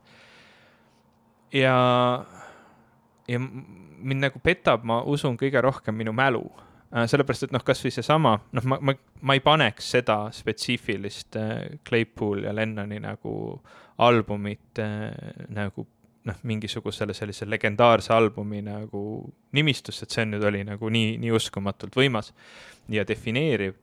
Aga, aga enamus siuksed asjad, mis mulle isegi nagu väga meeldivad, lihtsalt ei jää mulle meelde väga pikaks ajaks, kui ma need nagu uuesti avastan või kui keegi meenutab mulle, siis äh, siis nad kuidagi nagu tulevad meelde, aga praegu niimoodi siin mõeldes, et mis võisid olla nagu sellised viimase viie aasta nagu tõ tõesti nagu minu jaoks siuksed defineerivad albumid, ma ei tea, mul on raske, ma pean, ma pean kohe mõtlema selle peale on sul endal välja tuua mõned, mis, mis sinu jaoks on olnud nagu siuksed raputavad äh,? mul mõned on küll ja ma kohe mainin neid ka, aga ma igaks juhuks äh, ütlen veel ka selle ääremärkusena välja, et, et lahe oli see, et esimeses saates juba rääkides hip-hopist, sa tõid välja või tõstsid esile Open Mike Eagle'i mm. -hmm. Ja, ja ka, ja tema on jälle üks selline mm, konstant või, või selline äh, Äh, püsima jäänud äh, mm, muusik, äh, kes on siis meie teemade ringis ühesõnaga jäänud, jäänud püsima. et temast oled sa rääkinud ka veel hiljutigi veel, sest et tema viimane album Anime, Trauma and uh, Divorce, Divorce meeldis sulle väga ja, ja, ja paistab jah, et siis tema põhimõtteliselt on, on jäänud meil ka nagu selliseks korduvaks saatekülaliseks. jaa, aga jällegi noh, nagu näiteks tema, tema viimane album mulle väga meeldis ja tal on paar veel, mis mulle nagu on kohutavalt meeldinud, aga ma ei, mul on nagu ma, ma, me, me sattume jälle sellesse nagu nõmedasse vestlusesse, mille pärast ma mingi hetk Madiselt natukene pahandada sain, et nagu praegu ei tule välja siukseid nagu legendaarseid albumeid. või noh, nagu et, et ei ole nagu see noh, ühesõnaga millegipärast mul on, mul on raske nagu kõrvutada sinna, ma ei tea, Sergeant Pepperi kõrvale nagu midagi lähima kümne aasta jooksul. Ja, ja ma arvan, et see on rohkem seotud sellega, et ma ei mäleta ja, ja ma ei ole nagu ma ei ole täna nagu sellises kasvavas nagu perioodis, kus, kus need asjad nagu nii tugeva jälje jätaksid minu pähe mm. -hmm, ja, ja võib-olla ma lihtsalt ei ole nii, nii kõva popkulturist, et, et, et, et see nagu mind niimoodi mõjutaks täna, ma ei tea. ma ei tea, milles see viga on, aga, aga ei, mingi viga on, kuskil on. see on tõsi ja ma arvan, et see ka põhjendab, miks inimesed ostavad kassette ikka veel et äh, sest ma pean, pean tunnistama, et üks nendest kassettidest, mis ma siis Inglismaalt endaga kaasa tassisin, kui ma seda kuulasin äh, lõhki kistud äh,, üles küntud Haapsalu tänavaid äh, mööda jalutades, see oli Father John Misty album äh,.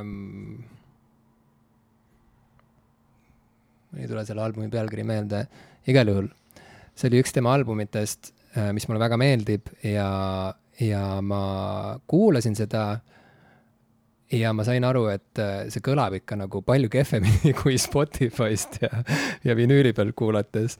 ehk siis kuidagi see kassetisahin ja, ja ma ei tea, need mingid player'i siuksed mehaanilised äh, mingid äh, väiksed siuksed häälekesed, mis vahepeal sinna muusikasse sisse tulid. et see kõik oli natukene, vot see ei olnud väga nunnu. et kuidagi äh, mulle tuli jälle meelde, et, et see ei olnud miski, mida ma eriliselt oleksin kuidagi muusikasõbrana lapsena näiteks eraldi hinnanud, et oh, nii mõnus, et see sahiseb kogu aeg või et nii, nii tore, et, et mul see lint seal ühe koha pealt on kortsus, et siis iga kord, kui ma seda lugu kuulan, et siis seal käib, korraks käib sihuke nagu sound sealt läbi, onju. No vaata vahel, kui Mac näiteks tõmbas kasseti niimoodi. ma, ma tean, mul nagu hakkab sõlme. kahju sinu kassettidest, sellepärast et kassette on võimalik kuulata ka kvaliteetse nagu kassetidekiga kodus, nii et sa ei raputa teda ringi see kõlab enam-vähem hästi. kindlasti võimalik, aga minu äh, e-, ellu pole tulnud vastavaid eelarveid okay. ega vastavaid äh,. kassetitekid on mingi, ma ei tea, viiekümne nagu... euroga saab täitsa normaalse kätte, pole nagu väga hullu aga võib-olla nüüd on nad olu-, oluliselt kallimaks läinud. ma ei usu, et enam saab viiekümne euro eest, et sellest on saanud sihuke uus hipster äh, tehnika. et äh, mida ma selle kõigega, selle, selle kõigega öelda tahan, on see, et äh, nostalgial on mingisugune väga tugev mõju sellele, kuidas inimesed, milliseid, kui kõrgelt nad hindavad mingit teatud, mingeid teatud elamusi, mingeid teatuid, ma ei tea, kultuurilisi teetähiseid, aga nostalgia osas äh, Äh, tasub olla selles mõttes äh, mm, ettevaatlik võib-olla, sest et äh, kuskilt maalt jookseb mingisugune piir, kust edasi nostalgia tegelikult natuke nagu pimestab meid uute vägevate asjade kogemise ees või, või kuidagi, et see noh, näiteks Billie Eilish on väga hea näide sellest, kuidas äh, mingisugune uus asi, mingi uus äh, suur lugu, millest äh, miljonid äh, kuidagi tahavad osa saada ja nii läks minust kaarega mööda, sest et ma kuidagi pidasin seda täiesti mõttetuks mingisuguseks liiga passirohkeks mingiks mõminaks põhimõtteliselt jälle, onju. et kui see esimene pala Bad Guy näiteks jõudis raadioeetritesse siis mu tütrele, kes siis oli võib-olla, ma ei tea, viie-kuueaastane, talle väga meeldis seda auto tagaistmel kuulata, ta alati käskis panna valjemaks ja, ja, ja talle, teda ajas naerma kuidagi see koht, kus see Billy laulab see I am a bad guy. siis tuleb see Halloweeni see meloodia onju, et talle see koht väga meeldis mm. -hmm ja siis mulle tundus, et see on nagu täiesti ilmetu ju tegelikult, et mm -hmm. mis asi see on nagu, et see ei ole, see ei ole otseselt äh, see ei kõla nagu mingisugune uus huvitav asi, see, see, see kõlab natuke niimoodi keldriselt, mis oli nagu positiivne selle juures, et mulle meeldis, et see oli, oli sihuke põlve otsast tehtud asja nagu mekk oli juures. aga ma ei viitsinud süveneda, see ei tundunud nagu mingi, ühesõnaga, kui ma lõpuks jõudsin plaadipoodi Beat, siis ma jätsin Billy albumi riiulile, sest et mulle tundus, et see ei ole album, mida nagu Madis ütles, et, et küsi endalt, kas sa viis, viie aasta pärast ka veel seda plaati tahaksid kuulata. mulle tundus, et kindlasti mitte nüüd üks nendest kassettidest, mida ma mainisin, ongi Billie Eilish'i uue albumi Happier than ever kassett, mille ma eeltellisin Billie Eilish'i enda äh, veebipoest, see peaks mulle postkasti jõudma nüüd lähipäevil. Äh, ja, ja Billie Eilish'i debüütalbumi ma ostsin siis Inglismaalt ikkagi lõpuks vinüülplaadipoest, ehk siis, et kui ma olin näinud seda dokumentaalfilmi, mille Apple välja andis Billie Eilishist, äh, selle äh, pealkiri oli The world's a little blurry.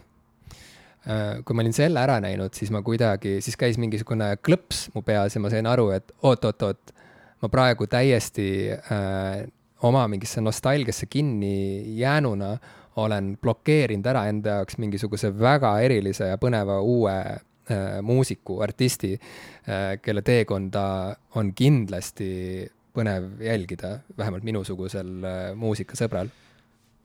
See probleem nagu minu, minu jaoks võib-olla on selles, et, et kuigi objektiivselt ma suudan analüüsida muusikat, mis, mis tänapäeval tehakse äh,, suudan seda paigutada noh, erinevatesse kategooriatesse, kas on, ma ei tea, ACDC uus album, mis kõlab täpselt nagu kõik teised ACDC albumid, aga ei ole samasuguse legendaarse nagu tähtsusega nagu Back in Black või, või, või mida iganes või seda tehakse nagu mingi trendi najal äh, lihtsalt väga hästi nagu Weekend'i, eks ole, album, äh, mis, mis on nagu sellise kaheksakümnendate revival'i nagu noh, selline väga hästi produtseeritud, läbimõeldud ja, ja, ja tehtud album või, või Lady Gaga see viimane Chromatica, mis on noh, sarnaselt nagu sellisel üheksakümnendate revival'i lainel nagu sõitev ähm, sõitev teos või siis noh, seesama Billie Eilish ja, ja kogu sellise nagu hip-hopi noh, keldrilise poole toomine mainstream'i ja, ja, ja nii edasi ja nii edasi või Kanye Westi veiderdused.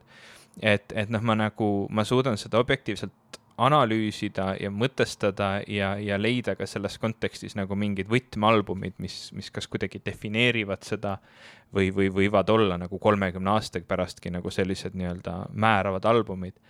Aga mul on tunne, et need ei ole nagu minu jaoks enam määravad albumid ja leida nagu sellist seost, mis on nagu uus, mis on just välja tulnud, mis on minu jaoks kuidagi nagu nii hingelähedane ja määrav ja, ja kuidagi nagu raputab mind, et see ongi nagu väga keeruline teema, sellepärast et noh, ma kujutan ette, kui, ma oleks olnud näiteks, ma ei tea seda, aga kui ma oleks olnud nooruses nagu hästi suur äh, tollel hetkel siis populaarse hip-hopi fänn näiteks, kas mul oleks lihtsam, kas see, et ma tol hetkel juba kuulasin, ma ei tea, seitsmekümnendate, kaheksakümnendate sihukest nagu äh, ma ei tea, klassik, klassikaraadio rokki on ju, et kas, kas see nagu kuidagi äh, mm, defineeris ära, et noh, see ongi nüüd see nagu minu teema forever äh,. ja, ja kui ma oleks nagu tol ajal nagu populaarsemat äh, asja mm,, asja kuulanud, et nüüd ma, ma oleksin kuidagi rohkem nagu praeguse ajaga ka klikis.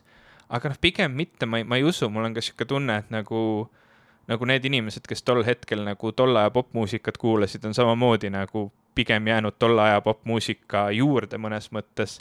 Ja, ja noh, ka noh, naudivad kindlasti nagu uuemat muusikat, aga see, see, see, kuidas see nooruspõlve muusika sulle nagu selle oma, oma jälje jätab, see on nagu hoopis teine asi kui see, kuidas sa nagu praegu seda uut muusikat vastu võtad ja tunned. Ja seetõttu ma ei tea, mul on mingisugune nagu pinge kehas, et ma noh, ma tean, mis on minu jaoks olnud siuksed nagu lemmikalbumid, mille juurde ma tulen tagasi ja tagasi, kui ma mõtlen nagu uuematest albumitest et noh, folkloor, ma usun nagu Taylor Swifti puhul, kui nagu mõelda sellisele modernsele popmuusikale, ma usun, et see on nagu väga hea Daft uh,, Daft Punki Random Access Memories, kuigi see on täielik revival album, eks ole, et ta on nagu vanakooli muusika lihtsalt uuest, uue produktsiooniga. mulle kohutavalt meeldib uh,, kui ma mõtlen, mis seal veel võivad olla uh,, kes see oli, see LSD või Sia Diplo ja ja Labyrinth, nende nagu kol-, kolme koostöös valminud, valminud album on, on kohutavalt hea äh, nagu popmuusika näide äh,. Jay-Z neli nelikümmend neli, millest me minu meelest rääkisime ka äh, ka ühes saates nagu pikemalt on, on jällegi võrratu näide sellisest nagu väga heast hip-hop albumist ja noh, ütleme, ma olen avastanud ka selliseid artiste nagu Run the Jewels ja Aesop Rock ja, ja, ja teisi noh, nagu hip-hopi maailmast, kes tõesti noh, nagu teevad defineerivat muusikat tänapäeval. Aesop Rockist sa rääkisid meie kõige esimeses saates ka. no, no vot, eks ole et noh, selles suhtes ongi nagu et noh, ma, ma, ma kuidagi ei taha öelda, et ei tehta head muusikat, loomulikult kogu aeg tehakse ja, ja, ja see mõjutab pidevalt kultuuri ja ja, ja, ja toob kaasa uusi hoovusi, ma lihtsalt kuidagi võib-olla tunnen nagu mingit teatavat nukrust, et kui ma, kui ma just nagu viimasel nädalal ka mõtlesin, et ma ma tahan kuulata midagi, mis tekitab mus nagu eriti sooja tunde ja, ja tõmbab kohe käima, siis ma panen ACDC Back in Blacki peale nagu see, see ei ole see, et ma nüüd, ma vahel, ma vahel kõnnin õues ja mul on nagu õue playlist, kus on seesama Sia Diplo ja Labyrinthi album, mul on seal Taylor Swifti, mul on seal mingit siukest veits peomuusikat, Lady Gaga't äh,. siis see on, see on see, et kui ma olen nagu Äh, tööl on nagu raske päev olnud või, või mul on mingi tüli kellegagi või, või noh, mida iganes, et siis ma lähen nagu õue jalutama, siis ma panen peale nagu see shake it off ja noh, tead, sihuke, sihuke nagu mõnus värk. Äh, aga noh, ma ei tea, et see, see on ikkagi nagu see, et, et need plaadid võivad olla nagu monumentaalselt tähtsad, aga ma mõtlen selle peale, et kui monumentaalselt tähtis ja hea ja oluline ja, ja, ja kõnetav peab ta olema minu jaoks, et saavutada nagu samaväärne tase Sergeant Pepperi või, või, või, või, või Frank Zappa Apostrophe või Overnight Sensationi või, või ACDC Back in Blackiga või, või Iron Maideni Number of the Beastiga, ma ei, ma ei tea, kas, kas on üldse see võimalik, kas on ainult läbi selle nooruse nagu prillide või noh, seda on nagu kuidagi nii keeruline mul endalgi mõista. Ja see on üks masendavamaid asju, mida inimesed alati rääkisid vanemaks saamise kohta, et äh, sa kuidagi tunned vähem või, või, või muutud nagu tuimemaks teatud asjade suhtes või kui mitte tuimemaks, siis lihtsalt äh, kuidagi need ei, need kuidagi ei liiguta sind võib-olla nii väga või, või ei, ei löö rivist välja ega ka ei vaimusta, on ju, et sa muutud selles mõttes nagu tasakaalukamaks, aga võib-olla mingil määral ka kuidagi nagu ikkagi siis, ma ei tea, kas igavamaks või nii äh,, vähemalt vaadates läbi kuidagi teismelise vaatevinkli äh, sellele asjale ja, ja tõesti, olles kolmekümnendate teise poole teises pooles nüüd omadega ähm,, äh, võin ma ka öelda, et, et nii ongi, et aina raskem on, mitte et oleks raske vaimustuda, vaid kuidagi isegi ei ole seda suurt kuidagi kihku meeletult kuidagi vaimustuda, pigem ongi sihuke tunne, et tahaks juua kummeli, kummeliteed tahaks juua kummeliteed ja. Robert Wyatt peale panna. võimalikult vähe tõmmelda ja, ja lihtsalt teha lahedaid asju, kuidagi nokitseda oma asjade kallal ja, ja võtta aega kõige jaoks ja nii. et see mingisugune sihuke seitsmeteistaastase või kuueteistaastase sihuke tundeküllasus ja sihuke meeletu seesmine intensiivsus, mis ühtlasi väljendub ka siukses välimises, siukses ringi rapsimises, on kuidagi täiesti nagu läbi saanud ja, ja ma olen sellest, ma olen sellest teadlik ja see on, see on kuidagi, see, see ei ole miski, mis mind kuidagi murelikuks teeks, aga just nimelt sellise nagu popkultuuri fännina äh, ma tegelikult ikkagi nagu tahan olla avatud äh, järgmistele uutele suurtele muutustele, arengutele. Ja, ja sellepärast ma tunnen, et vahel on vaja äh, võib-olla nagu teadlikult kuidagi ikkagi tutvustada endale äh, mingisuguseid uusi, uusi asju just selle mõttega või selle tagamõttega, et, et oota ära, ära nagu, ära libise sellest üle lihtsalt sellepärast, et sa enda arust oled seda juba näinud ja seda juba kuulnud või mis iganes, on ju. et vaata nüüd, mis ikkagi, mis siin ikkagi peidus on, miks see asi praegu kõnetab kõiki neid inimesi. ja, ja selle kaudu muutuvad paljud asjad väga huvitavaks, näiteks rääkides sellest, kuidas äh, mm, sa mainisid, et äh, sa ei tea, kuidas sulle oleks tundunud äh, uuem hip-hop, kui sa oleksid juba olnud üheksakümnendatel hip-hopi fänn, on ju. mina olin üheksakümnendatel hip-hopi fänn, ma kasvasin üles kuulates, ma ei tea, Busta Rhymesi ja Chris Crossi ja, ja muid selliseid artiste äh,. et et minu jaoks näiteks kogu see mõminaräpi värk, mis hakkaski pihta äh, noh, suuremalt võib-olla kuskil viis aastat tagasi, umbes niimoodi, sest et ma mäletan, et äh, kolm-neli aastat tagasi ühel suvel mu õde lasi mulle Nublu lugusid ja siis ta lasi veel neid SoundCloudist mm. -hmm. et siis oli veel see hetk, kus oli, oligi Nublu ja siis teine artist oli Väike Pede, kes panid SoundCloudi oma lugusid üles ja, ja, ja siis need li-, noh, inimesed jagasid linke omavahel äh, ja, ja, ja nad saavutasid mingisuguse niisuguse kultus, tuntuse ja see oli reaalselt mingisuguse mõne kuu küsimus, millal äh, Nublust vähemalt sai noh, tõesti nagu sihuke uus Tanel Padar on ju, omal moel. et, äh, et siis, aga tol hetkel, äh, kolm-neli aastat tagasi, ikkagi see kõlas nagu mingisugune jälle mingi keldrisalvestus ja mingisugune asi, mis lihtsalt nagu oli, oli nagu huvitaval kombel naljakas, aga ka niisama naljakas ja, ja, ja oli nagu raske ette kujutada, et sellest võiks saada ka siin Eestis mingisugune suur asi. aga ometi Siim Nestor äh,, äh, keda on peetud selliseks Eesti mõminaräpi saadikuks või keegi kuskil ristis teda mingis Ki. kirjutab Ekspressis tõsiseid ja, lugusid pikalt et, sellest, kuidas äh, väike pede on nagu geeni-, geenius ja nii edasi. et, et seda kõike nagu mulle tundub, et enam ei ole vaja nagu eriti üldse kellelegi põhjendada, et, et see on nüüd mingisugune thing sest et vaadates ka seda, kui suureks on äh, kõik see sihuke autotune itud äh, vokaalidega räpp, sihuke trap beatidega räpp nagu läinud, on ju. et see tol hetkel, kui see tuli, jättis mind külmaks, aga nüüd tagantjärele olen ka mina kuidagi jõudnud sinna kohta, kus ma isegi nagu äh, olen rõõmus, et see trap beatidega, autotune itud vokaalidega äh, räpp on nii mainstream, sest et mulle tundub, et jälle üle pika aja on meil olemas mingit sorti sihuke sound või mingisugune sihuke loo tegemise valem, mis on väga selgelt äh, praeguse, ma ei tea, kümnendi kõlaga ja, ja, ja, ja kuhu saab siit edasi minnes jälle tagasi tulla, et kui see ühel hetkel moest ära läheb, siis võib-olla möödub paarkümmend aastat ja siis saab teha nagu retro äh, tagasivaateid, saab teha uusversioone nendest tänastest nagu trap beatidega räpplugudest, mis siis tunduvad umbes sama vanakoolikad kui kaheksakümnendate ja üheksakümnendate varase, üheksakümnendate alguse räpp võib-olla tänapäeval, kui me paneme peale mingisuguse varase, ma ei tea, Run DMC kasseti näiteks, see, see ei kõla enam tänapäevaselt. jah, jah, kas, kas sa oled näinud äh,, Netflixis on uus sari This is pop? ei, ei, ei ole.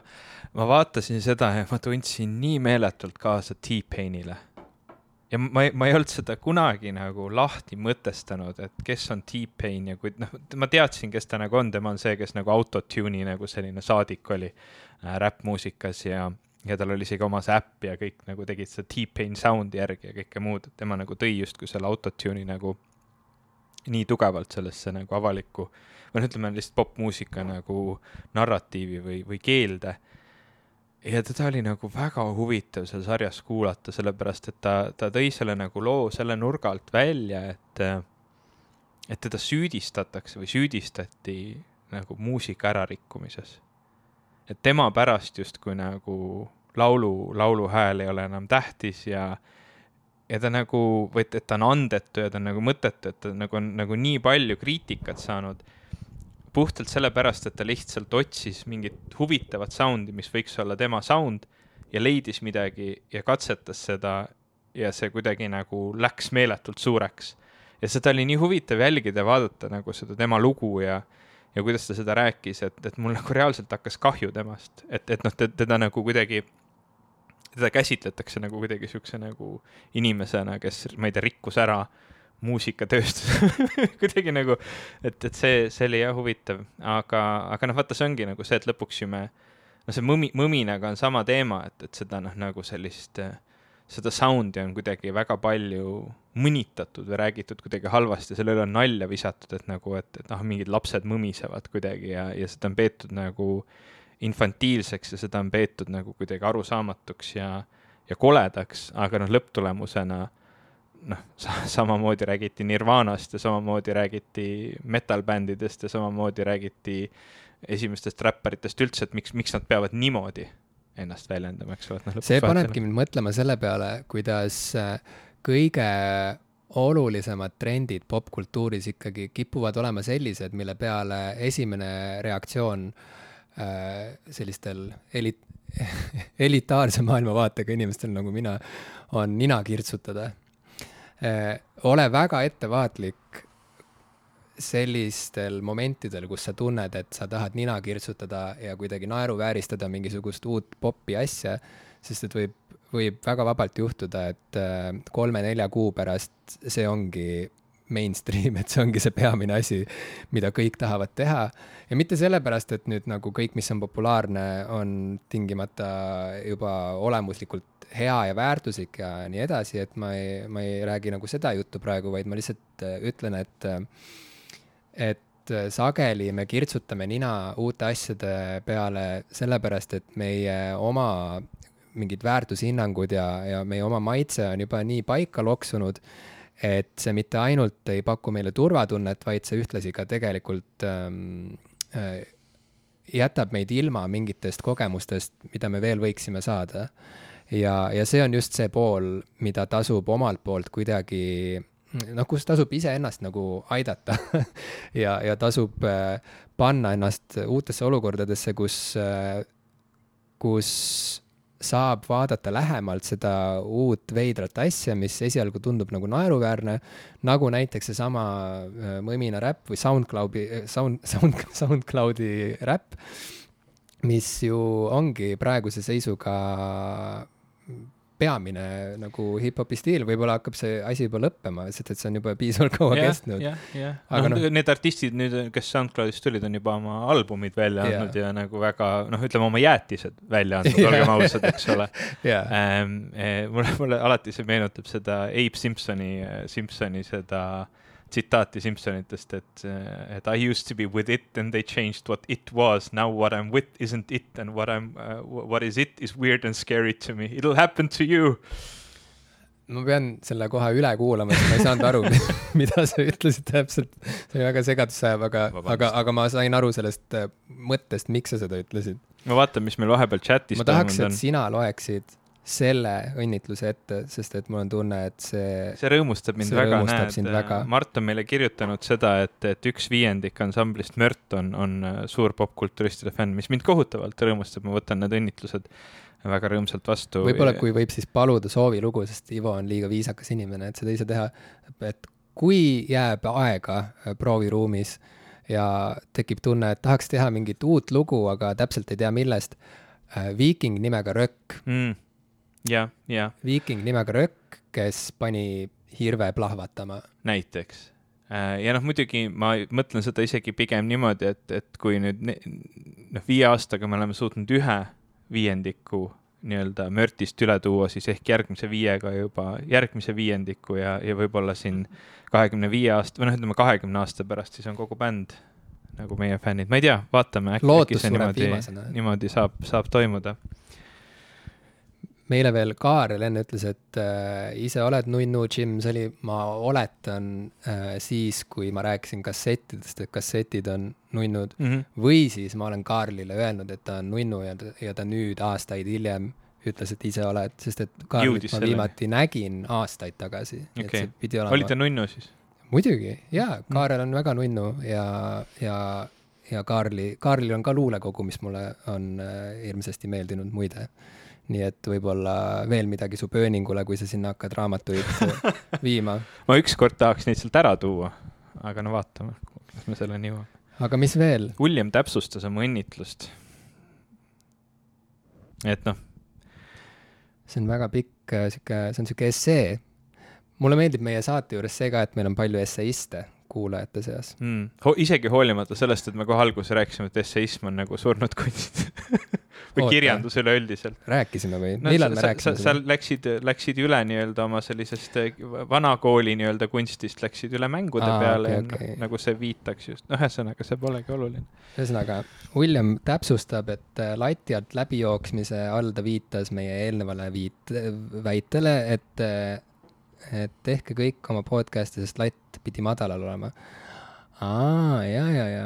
vaata, sa ise ütlesid seda ja siis ja, sa nüüd norisid Williamit. ja sama, ja siis ta ütleb, et äh, kiitmisega ei maksa samas ka kunagi liiale minna, sest siis arvatakse, et ollakse nii kõvad tegijad, et enam paremaks minna ei saa.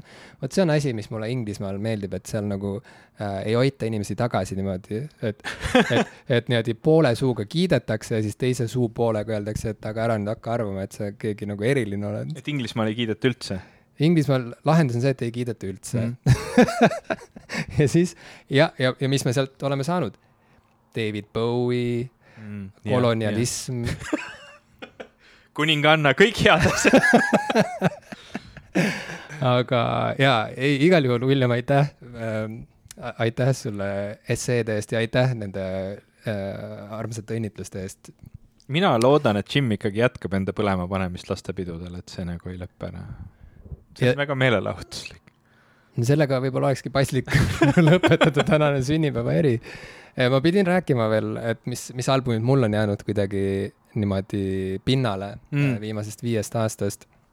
et, et võib-olla tõesti see Radioheadi ja Moonshaped Pool on sihuke album, mis mind käib nagu kummitamas aeg-ajalt, sest et äh, ma olen ühtlasi äh, viimase viie aasta jooksul tegelenud ühe raamatu kirjutamisega, mis äh, on kuidagi lähedalt seotud ka selle Moonshaped Pool albumi kuulamise perioodiga või kas, kuidagi. kas see räägib mehest, kellel on bassein, mis on kuukujuline äh,? kuidas sa ära arvasid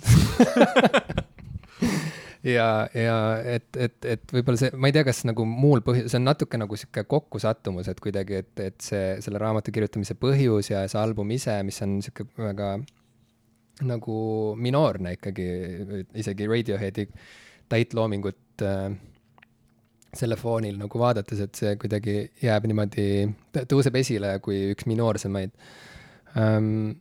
et ma ei tea, kas muidu see album oleks muidu, kas, kas muidu see album oleks jäänud niimoodi äh, mu playlist'i, aga seal kuidagi juhtusid erinevad asjad, mis jätsid selle sinna äh, isiklikus elus ja aga sealt edasi nagu rõõmsamad, rõõmsamatest äh, või mažoorsematest albumitest rääkides ma ütleks, et äh, Blood Orange'i Negro Swan oli album, mida ma kuulasin tõesti obsessiivselt äh, ja, ja see on, see on kindlasti viimase viie aasta jooksul olnud üks album, mis on no, nagu, mis on noh, ribadeks kuulatud ja, ja teine ootamatu tore avastus oli Solange'i album When I Get Home ja kusjuures selle albumi ma leidsingi tänu sellele, et me kurtsime, et me ei ole leidnud erilisi albumeid. Äh, siis paar aastat tagasi oli see juhtum, kus siis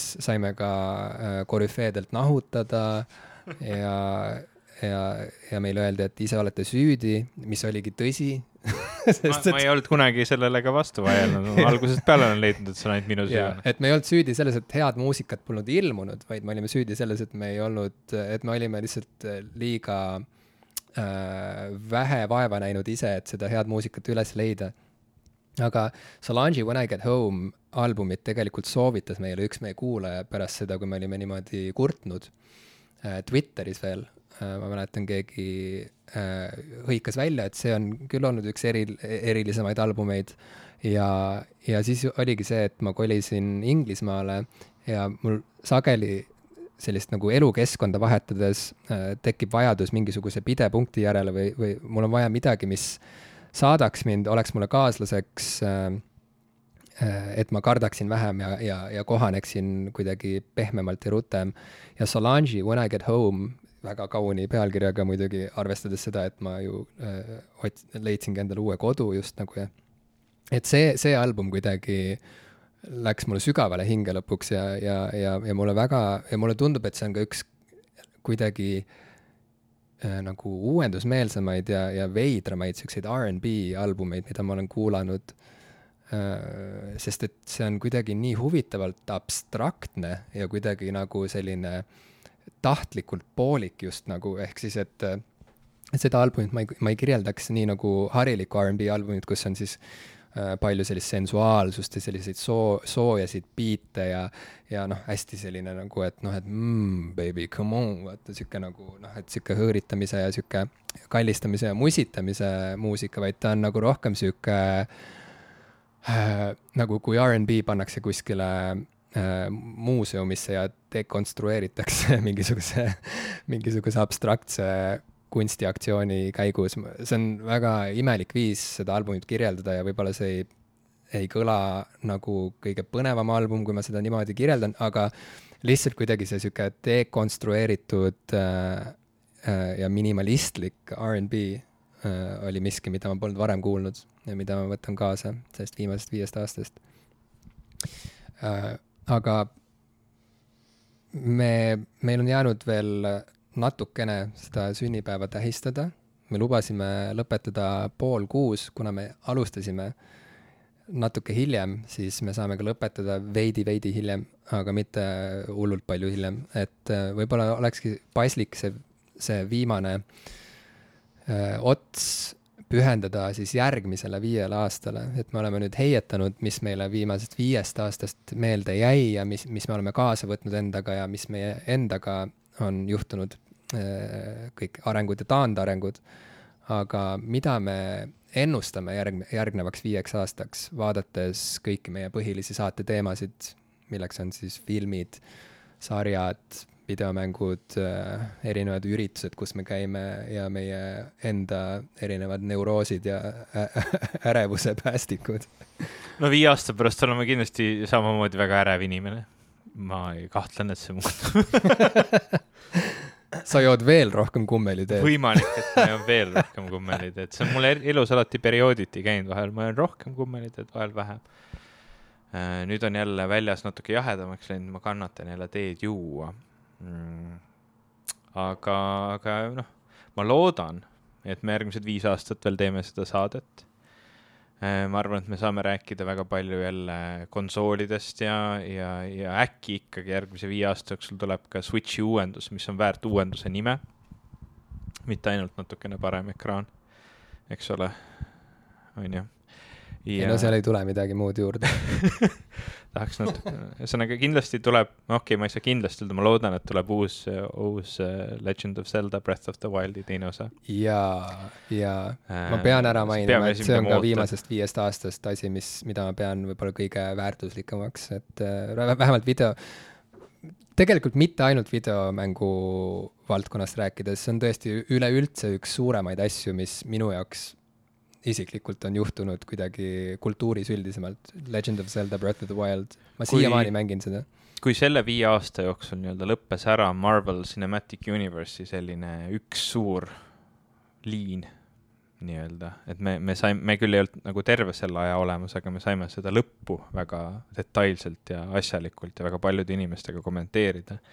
et siis ma, ma loodan ja, ja noh ma, ma kujutan juba ette, et on terve hulk inimesi, kes ei viitsi sellest Marvelist enam mitte midagi kuulda, aga, aga ma loodan tegelikult, et järgmised viis aastat toovad, toovad veel ühe niisuguse suure Marveli niisuguse nagu looliini või sihuke, või, või noh, niisuguse nagu äh, siuksed uued ägedad, ägedad filmid ja sarjad, sest äh, need, mis vahepeal siin on olnud, Loki just eriti äh, Disney plussis on, on meeletult äge sari olnud ja, ja mind väga huvitab, kuhu nad selle kogu multiuniversumi looga lähevad äh,. järgmisel viiel aastal, noh, nagu omaette küsimus nüüd on see, et mis, mis saab nagu kinofilmidest ja suurtest filmidest üleüldisemalt, et kas, kas jätkub see, et, et filmid kaotavad järjest nagu tähtsust ja, ja liiguvad pigem noh, nagu voogedastusteenustesse ja, ja kino, kino nagu ei taastu niimoodi, nagu ta kunagi oli. või siis, või siis äh, hakkame just vastupidi pärast seda, kui, kui see nüüd järgmisel viiel aastal tõenäoliselt ikkagi see pandeemia ühel või teisel viisil nagu lõpeb ja, ja, ja, ja Covid jääb selliseks endeemsemaks probleemiks mm,. nagu ikka kipub juhtuma selliste haiguste ja, ja tsoonoosidega et ehk siis nagu noh, ma, ma isegi tõesti täna ei tea öelda. kasutasid sõnu endeemiline ja tsonoos ja ma lihtsalt tegin nägu, nagu ma saaks aru, millest sa räägid. see on kõik fine. aga tegelikult ma pean seda Vikipeediast lugema. tsonoos on tänast... Äh, haiguse ülekanne äh, nii-öelda siis äh, loomadelt inimestele mm. ja, ja endeemia siis on noh, mingi haiguspuhang mingis kindlamas piirkonnas, kui me räägime pandeemiast, siis me räägime noh, nagu globaalselt. selge, pan ehk siis nagu ja, ja. kõikehõlmav territoriaalselt vähemalt. jah ähm,, aga, aga noh, ma isegi täna ei oska nagu ette ennustada, kas kino äh, nagu saavutab ta, noh, mingisuguse tähtsuse jälle, sest äh, noh, minul on see probleem, et ma, ma ei, ma ei armastanud väga kinos käia enne ja noh, nagu ei oota seda meeletult tagasi nüüdki, aga mul on sõbrad öelnud, et nad väga igatsevad kinos käimist ja nüüd, kui tuli Rasmus Merivaa film Kratt välja, siis ma tegelikult ise tahaks väga-väga seda filmi näha ja, ja ega mul väga hetkel muud varianti ei olegi, kui kinno minna ja ma ei tea, kas ma lähen või ma ootan siin teda nagu igale poole mujale ära. kas sa, kas sa tahad kinno minna äh,? ma väga ei taha hmm.. tegelikult ähm, või noh, huvitav ongi see, et äh, või no ma ei tea, kui huvitav see on, aga see on lihtsalt, äh, see, see tuli mu jaoks ootamatult, äh, see, see taandareng, et ma veel vähem kui varem suudan minna äh, rahvarohketesse kohtadesse, nagu näiteks kauplused, ostukeskused äh, ja ka kinod näiteks. ega väga ei taha, jah. või mingisugused äh, ujulad või võimlad, et ma kuidagi äh,, ma natuke arvan, et see on veel ikkagi sihuke nagu ehmatuse järellainetus, et see läheb ära, sest et suurem osa elust on ju sellistes kohtades käimine olnud ikkagi täiesti loomulik elu osa ja, ja noh, see vaevalt, et sellised harjumused nagu nii kiirelt ja nii põhjalikult muutuda saavad, aga ma siiski väga-väga äh, eelistan äh, näiteks tellida asju koju otse, näiteks see on asi, mis äh, tõesti muutus reaalselt viimase pooleteist aasta jooksul, et pärast seda, kui ma sain aru, kui mugav on lihtsalt valida netist välja asjad, mida sul on vaja. ja, ja tõesti, see võib olla mingisugune tehnikavidin, aga see võib olla ka umbes, ma ei tea, röstsai et, et kui, kui lihtne ja kui, kui, kui, kui lihtne seda on teha ja kui, kui palju aega see säästab tegelikult, siis jällegi tundus nagu kummaline, et miks ma peaks tahtma käia jälle niimoodi ma ei tea, autoga sõita poodi ja teha mingisugune nädala nimekiri ja käia siis seal nende lettide vahel ja lükata mingit suurt korvi enda ees ja ühesõnaga see, ma ei tea, et seal ei ole nagu mingisugust lisaväärtust, äh, mis kuidagi õigustaks selle tegevuse jätkamist, noh, erinevalt näiteks mingist äh, ma ei tea, mingi kodu koristamisest näiteks, mille ajal saab kodu puhtaks, aga ühtlasi saab ka näiteks kuulata mõnda taskuhäälingut või, või mida iganes, on ju. et, et, et poes käimine tõesti on asi, mis nagu, mida ma pole kunagi otseselt nautinud. ainsad erandid ongi raamatupoodides ja muusikapoodides käimised ja, ja ma ei näe, et see kihk kuidagi joosta poodi võiks, võiks tagasi tulla ja ma ühtlasi ka ei näe, et, et see kihk kinno tingimata minna öö, peaks nüüd nagu kuidagi jälle tagasi tulema eriti jõuliselt, sest et mulle väga meeldib vaadata telekast filme ja, ja ma tõesti, ma juba kuulun sinna põlvkonda ka, kellel on mõnes mõttes nagu ükskõik, et milliselt ekraanilt ma midagi vaatan, sest noh, see ei ole isegi mingisugune liialdus. sellest ma rääkisin kunagi ühes meie varasemas saates, see ei ole isegi liialdus, et ma vaatasin, et ma sain suure elamuse mingis Lux Expressi või Sebe bussis äh, Mad Max Fury Road'i vaadates. Ja see ekraan seal on ju kõike, see on põhimõtteliselt nagu, see, see on kõige kaugemal mingist IMAX äh, kino sellisest ekraani äh, võimsusest, mis üldse olla saab, see mingisugune sihuke vetruva pinnaga bussi tahvelarvuti ekraan, on ju, mis on nagu väga äh, Äh, kus on kõik see mingisugune, mis iganes hallid ja, hallid ja äh, muud pooltoonid nagu on väga nagu vähe nüansseeritud ja ja, ja kus heli tuleb mingitest äh, suvalistest kõrvaklappidest, ma võib-olla kasutasin seal oma mingeid natuke paremaid kõrvaklappe, aga no point on selles, et ma olin bussis teel ühest linnast teise, ilmselt Tallinnast Tartusse või, või Tallinnast Haapsallu ja, ja aknast paistis päike ja vahepeal noh, peegeldas ekraani peal ja kõik see. ja see on film, mis on, noh, see on üks vaatemängulisemaid märuleid, mida, mida inimsilm on eales näinud. aga ma ikkagi sain sealt sellise elamuse ja ma olin täiesti, noh, ma värisesin äh, pärast seda filmi vaatamist, et see adrenaliini selline sööst, mida see tekitab äh, inimese kehas, kui ta sinna filmi sisse läheb, on lihtsalt meeletu. nii et äh, kokkuvõttes nagu, kui ma saan ise valida, kus ja kuidas ma seda asja vaatan ja kui mul on valikuid, et ma ei pea tingimata kinno minema, siis ma tingimata ei lähe, jah. et äh, ma arvan, et see, see süveneb, see on üks minu mm. ennustusi, et, et mu kinoarmastus ei tule sellisena tagasi. jah, ja noh, teine pool on see, et tegelikult ma, ma vaatan seda praegu küll väga kitsalt nagu Disney kontekstis, aga Disneyl on täna siuksed äh, ühed kõige olulisematest frantsiisidest ju enda käes. Et kui ma võrdlen näiteks neid Star Warsi filme, mis välja tuli ja, ja nüüd näiteks seda Mandaloriani sarja, mulle see sari kohe väga-väga meeldis ja, ja ma vaataks seda, selliseid asju parema meelega edasi ja, ja noh, sama on ka Marvel Cinematic Universe'iga, et see Loki sari oli tõesti nagu suurepärane ja, ja üldse nagu siukseid väga kihvtisid sarju on tulnud ka näiteks Netflixist üks, üks lemmikumaid sarju, mis, mis nad on üldse kunagi teinud, on, on Sex Education ja, ja, ja mind nagu tegelikult järgmisel viiel aastal teeb hoopiski äh, noh, nagu ro rohkem ma ootan seda, et mis, mis kihvtid sarjad nagu uued asjad nagu välja tulevad, et see võiks olla nagu põnevam. muusika osas ma ei oska nagu, ei oska nagu täna väga isegi midagi öelda, et, et ma, ma loodan, et, et tuleb midagi, mis mind tõeliselt raputab.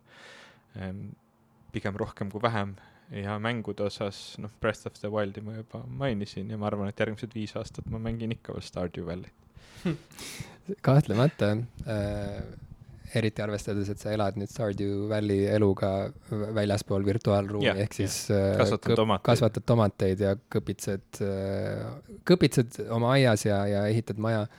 aga ma tahan ühe siukse nagu julgema ennustuse veel teha. virtuaalreaalsus mille... saab meie igapäevaks see juba on meie iga, igapäev, aga, aga ma tahan, tahan teha ühe julge ennustuse äh, millele saab siis viie aasta pärast tagasi vaadata ja, ja saab hinnata, et kas see läks täppi või mööda, aga ma arvan, et see NFT-de tulek, äh, et sellega hakatakse veel veidramaid asju tegema edasi. mulle meeldib, et sind huvitab see jutt nii hullult. mis asjad on NFT-d? NFT-d, äh, kas me ei ole rääkinud NFT-dest või? kui sa selle lühendi mulle lahti seletad, siis võib-olla. see on non-fungible token ah, see on mingi krüptoraha teema äh,?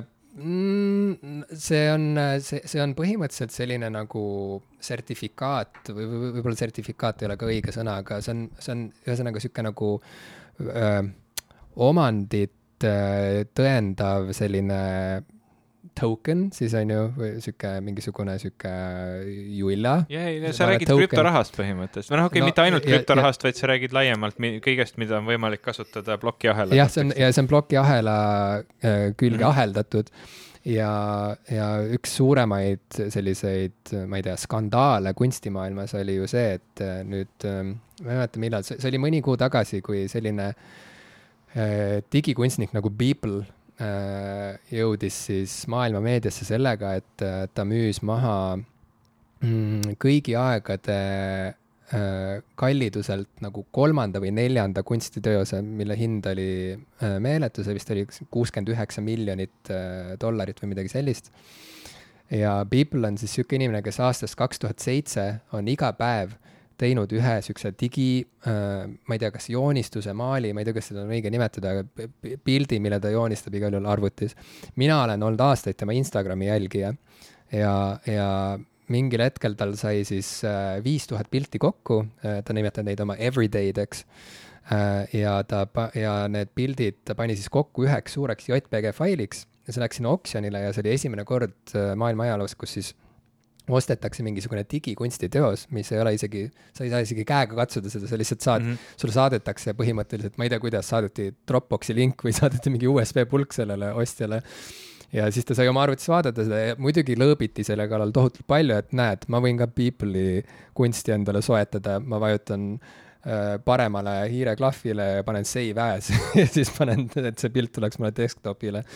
Aga see oli selles mõttes selline märgiline juhtum, et äh, esiteks, et, et see hind äh, kujunes nii kalliks seal oksjonil ja, ja teiseks äh, tekitas väga palju kõneainet sel teemal, et mis on üldse digikunsti tulevik, kas seda nüüd saabki pidada äh, nii-öelda nagu täisväärtuslikuks kunstimeediumiks äh,, et me saamegi kõrvutada mm -hmm. JPG faile, ma ei tea, Mona Lisaga, on ju, et äh, aga kas siis müüdi ka sel, sel, sealjuures, ma ei ole sellest üldse kuulnud, et lisaks sellele JPG failile, kas seal müüdi ka siis nii-öelda see token või, või, või see nii-öelda noh, nagu see mingi sert-, digitaalne sertifikaat nojah, see inimene ostiski selle, jaa, see on minu oma. just, et ta okay. sai selle endale nii-öelda mm. -hmm aga samas see, need failid on kõigil olemas, sest et kõigil yeah, on internetiühendus aga tema on selle faili omanik. aga tema on selle faili omanik okay. nii-öelda, onju. ja see oli väga kummaline ja, ja see, see ostja vist isegi ei olnud mingisugune nagu kunstikoguja tingimata, et see see kõik on väga hämar selles mõttes, et, et tegu on mingite nagu äh, krüptoraha nohikutega põhimõtteliselt okay., kes mhm. vaata äh,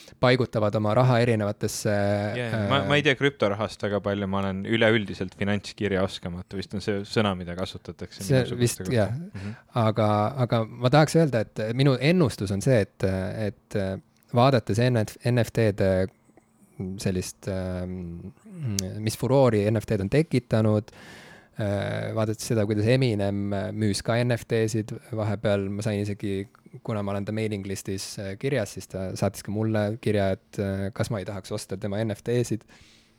et tema müüs äh, oma mingeid instrumentaaltrack'e, mõned neist vist olidki isegi varem avaldamata. ja siis mingi fänn ostiski, ma ei mäleta jälle, mingi tohutult suure raha eest ostis endale siis ühe Eminemi track'i ja siis tegi sellest oma mingisuguse loo. Ja siis see sai Youtube'is miljoneid mm. vaatamisi ja nii okay. edasi aga ma arvan, et see trend, ma arvan, et selle NFT teemaga tehakse veel mingeid veidraid asju edasi ja minu ennustus on, et kuigi mina kinno äh, satun ilmselt järgneva viie aasta jooksul vähem kui äh, varasema viie aasta jooksul, siis äh, ma arvan, et üks imelik areng, millele mina juba näpu peale panen, juba siin täna meie sünnipäeva saates, on see, et äh, hakatakse müüma ka näiteks filme äh, kui kunstiteoseid, ehk siis, et äh, sina, Ivo, saaksid ilmselt äh, järgneva viie aasta jooksul osta näiteks, ma ei tea, Christopher Nolani äh, filmograafiast oma lemmikfilmi ära ja siis öelda, et see on nüüd minu oma. Hmm, sest et okay. Äh, NFT-sid, ma arvan, pannakse, hakatakse külge panema ka, ka linateostele näiteks.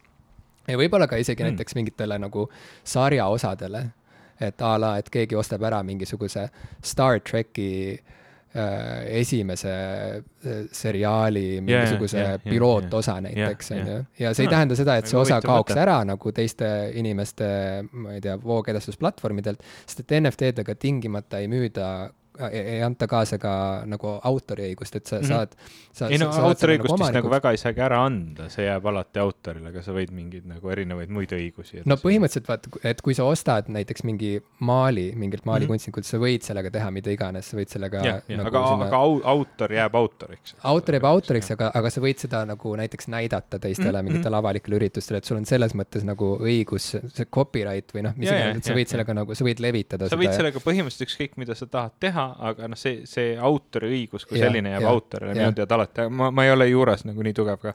no jaa, aga lihtsalt, et see vahe, võib-olla autoriõigus on jah, see vale sõna, aga, aga NFT-ga ei kaasne tingimata õigust seda asja nagu levitada ja panna mm -hmm, uuesti mhm. mingile näitusele, nii et okay, see vahel mm. mm. peab samamoodi okay. käima läbi autori esindajate või mis iganes, on ju. et ühesõnaga, minu julge ennustus järgmiseks viieks aastaks on see, et sa saad osta siukseid jaburaid asju nagu, nagu näiteks filmid ja, ja, ja või popkulturistide sarjade osad või popkulturistide osad. mm,. väga huvitav. Kristi kirjutab, et Ivo haigutab väga hoolega. ma ärkasin täna, mul on, ma olen tegelikult puhkusega, ma ärkasin täna hästi vara üles, et, et aidata ühte magistritööd, siis ma andsin hommikul kaks tundi magistritööle intervjuud. ma olen natukene unine ja kui inimesed hakkavad rääkima krüptorahast, siis üldiselt ma magama jääma. kuigi see ei olnud see, millest sa tegelikult rääkisid. no ühesõnaga, ma olen oma äh, ennustuse, julge ennustuse ära teinud. kuigi sa lähed kohe-kohe magama, siis ikkagi äh, ma, ma nurun sult välja ikkagi ka mingisuguse julge Ennustuse. ennustuse, mida saab siis vaadata viie aasta pärast, millele saab peale vaadata ja, ja öelda, et kas läks täppi või järgmised viis aastat saab olema see aeg, mil Linux lõpuks jõuab koduarvutitesse. kas see juba ei ole seal või? ei, see on oota see, Li- Linux on the desktop, see on nagu mingi sihuke viimase nagu kahekümne aasta nali mm.. et this is the year for Linux on the desktop, aga me keegi ei teadnud, et Linux jõuab meie kõiki lauaarvutitesse või nendesse telefonidesse hoopis, Androidi näol. okei, ühesõnaga, see, see oli mingi väga nohiklik nali, see ei ole üldse oluline. ma ei liigu nendes ringkondades, ma ei, ma ei, ma ei saa aru nendest naljadest. aga sa just rääkisid mulle krüpto mingitest token itest, aga okei okay., aga ma, kõik mu sõbrad on krüptopankurid. ma olen, ma vaatan Twitteris kõik räägivad kogu aeg, see on, see on nii veider teema minu jaoks. See tundub rohkem nagu lähedane mingi kasiinos käimisega kui, kui päris investeerimisega, okei okay,, aga noh, see selleks. kõik pahandavad ja kirjutavad mulle nüüd. Ähm,. meid saab õnnitleda muide te, äh, kui Bitcoin'e kirjutage, siis saates, õn- õnnitlege. Et, et meid, meid võib õnnitleda Bitcoin'e meile näiteks. saates. või meie Patreoniga või, või, või Dogecoin'e saates jah, ja või, või siis meie Patreoniga äh, liitudes jah, kuigi ma oletan, et kõik äh, kõik tänased pidulised, kes meiega koos tähistavad, juba teavad, et meil on Patreon ka, aga igaks juhuks hõikame välja, et patreon.com kaldkriips popkulturistid on koht, kust saab ka meie lisasaateid kuulata, nii et heitke pilk viie peale. aasta pärast on kaks tuhat kakskümmend kuus, eks ole. jah, kaks tuhat kakskümmend kuus jah. ma teen panuse, et et kliimamuutuse mõju on selleks ajaks nii tuntav, et see ei ole isegi enam mingi mingisugune poliitiline küsimus ühiskonnas, vaid see, et sellega tuleb tegeleda, on, on, on igapäevane reaalsus meie kõigi jaoks. see, kas see ei ole, see ei ole popkultuuri vallast? ei, ei, see on väga hea ennustus ja see See aga- kliimamuutus äh, mõjutab otseselt popkultuuri. jah. okei Aga, ja ma- sõnastame nii ümber. jah, et, et, et viie aasta pärast on see mõju nii tuntav, et see mõjutab äh, igapäevaselt meie popkultuuri. väga hea, kirjas, ametlikult välja hõigatud. ma lihtsalt tahtsin siia juurde küsida, et kas, kas see ei ole juba nii tuntav või, sest et noh, sina, sina puutud sellega kokku ka oma töös muidugi igapäevaselt, et teised inimesed võib-olla ei pea iga päev mõtlema selle peale, aga sina pead.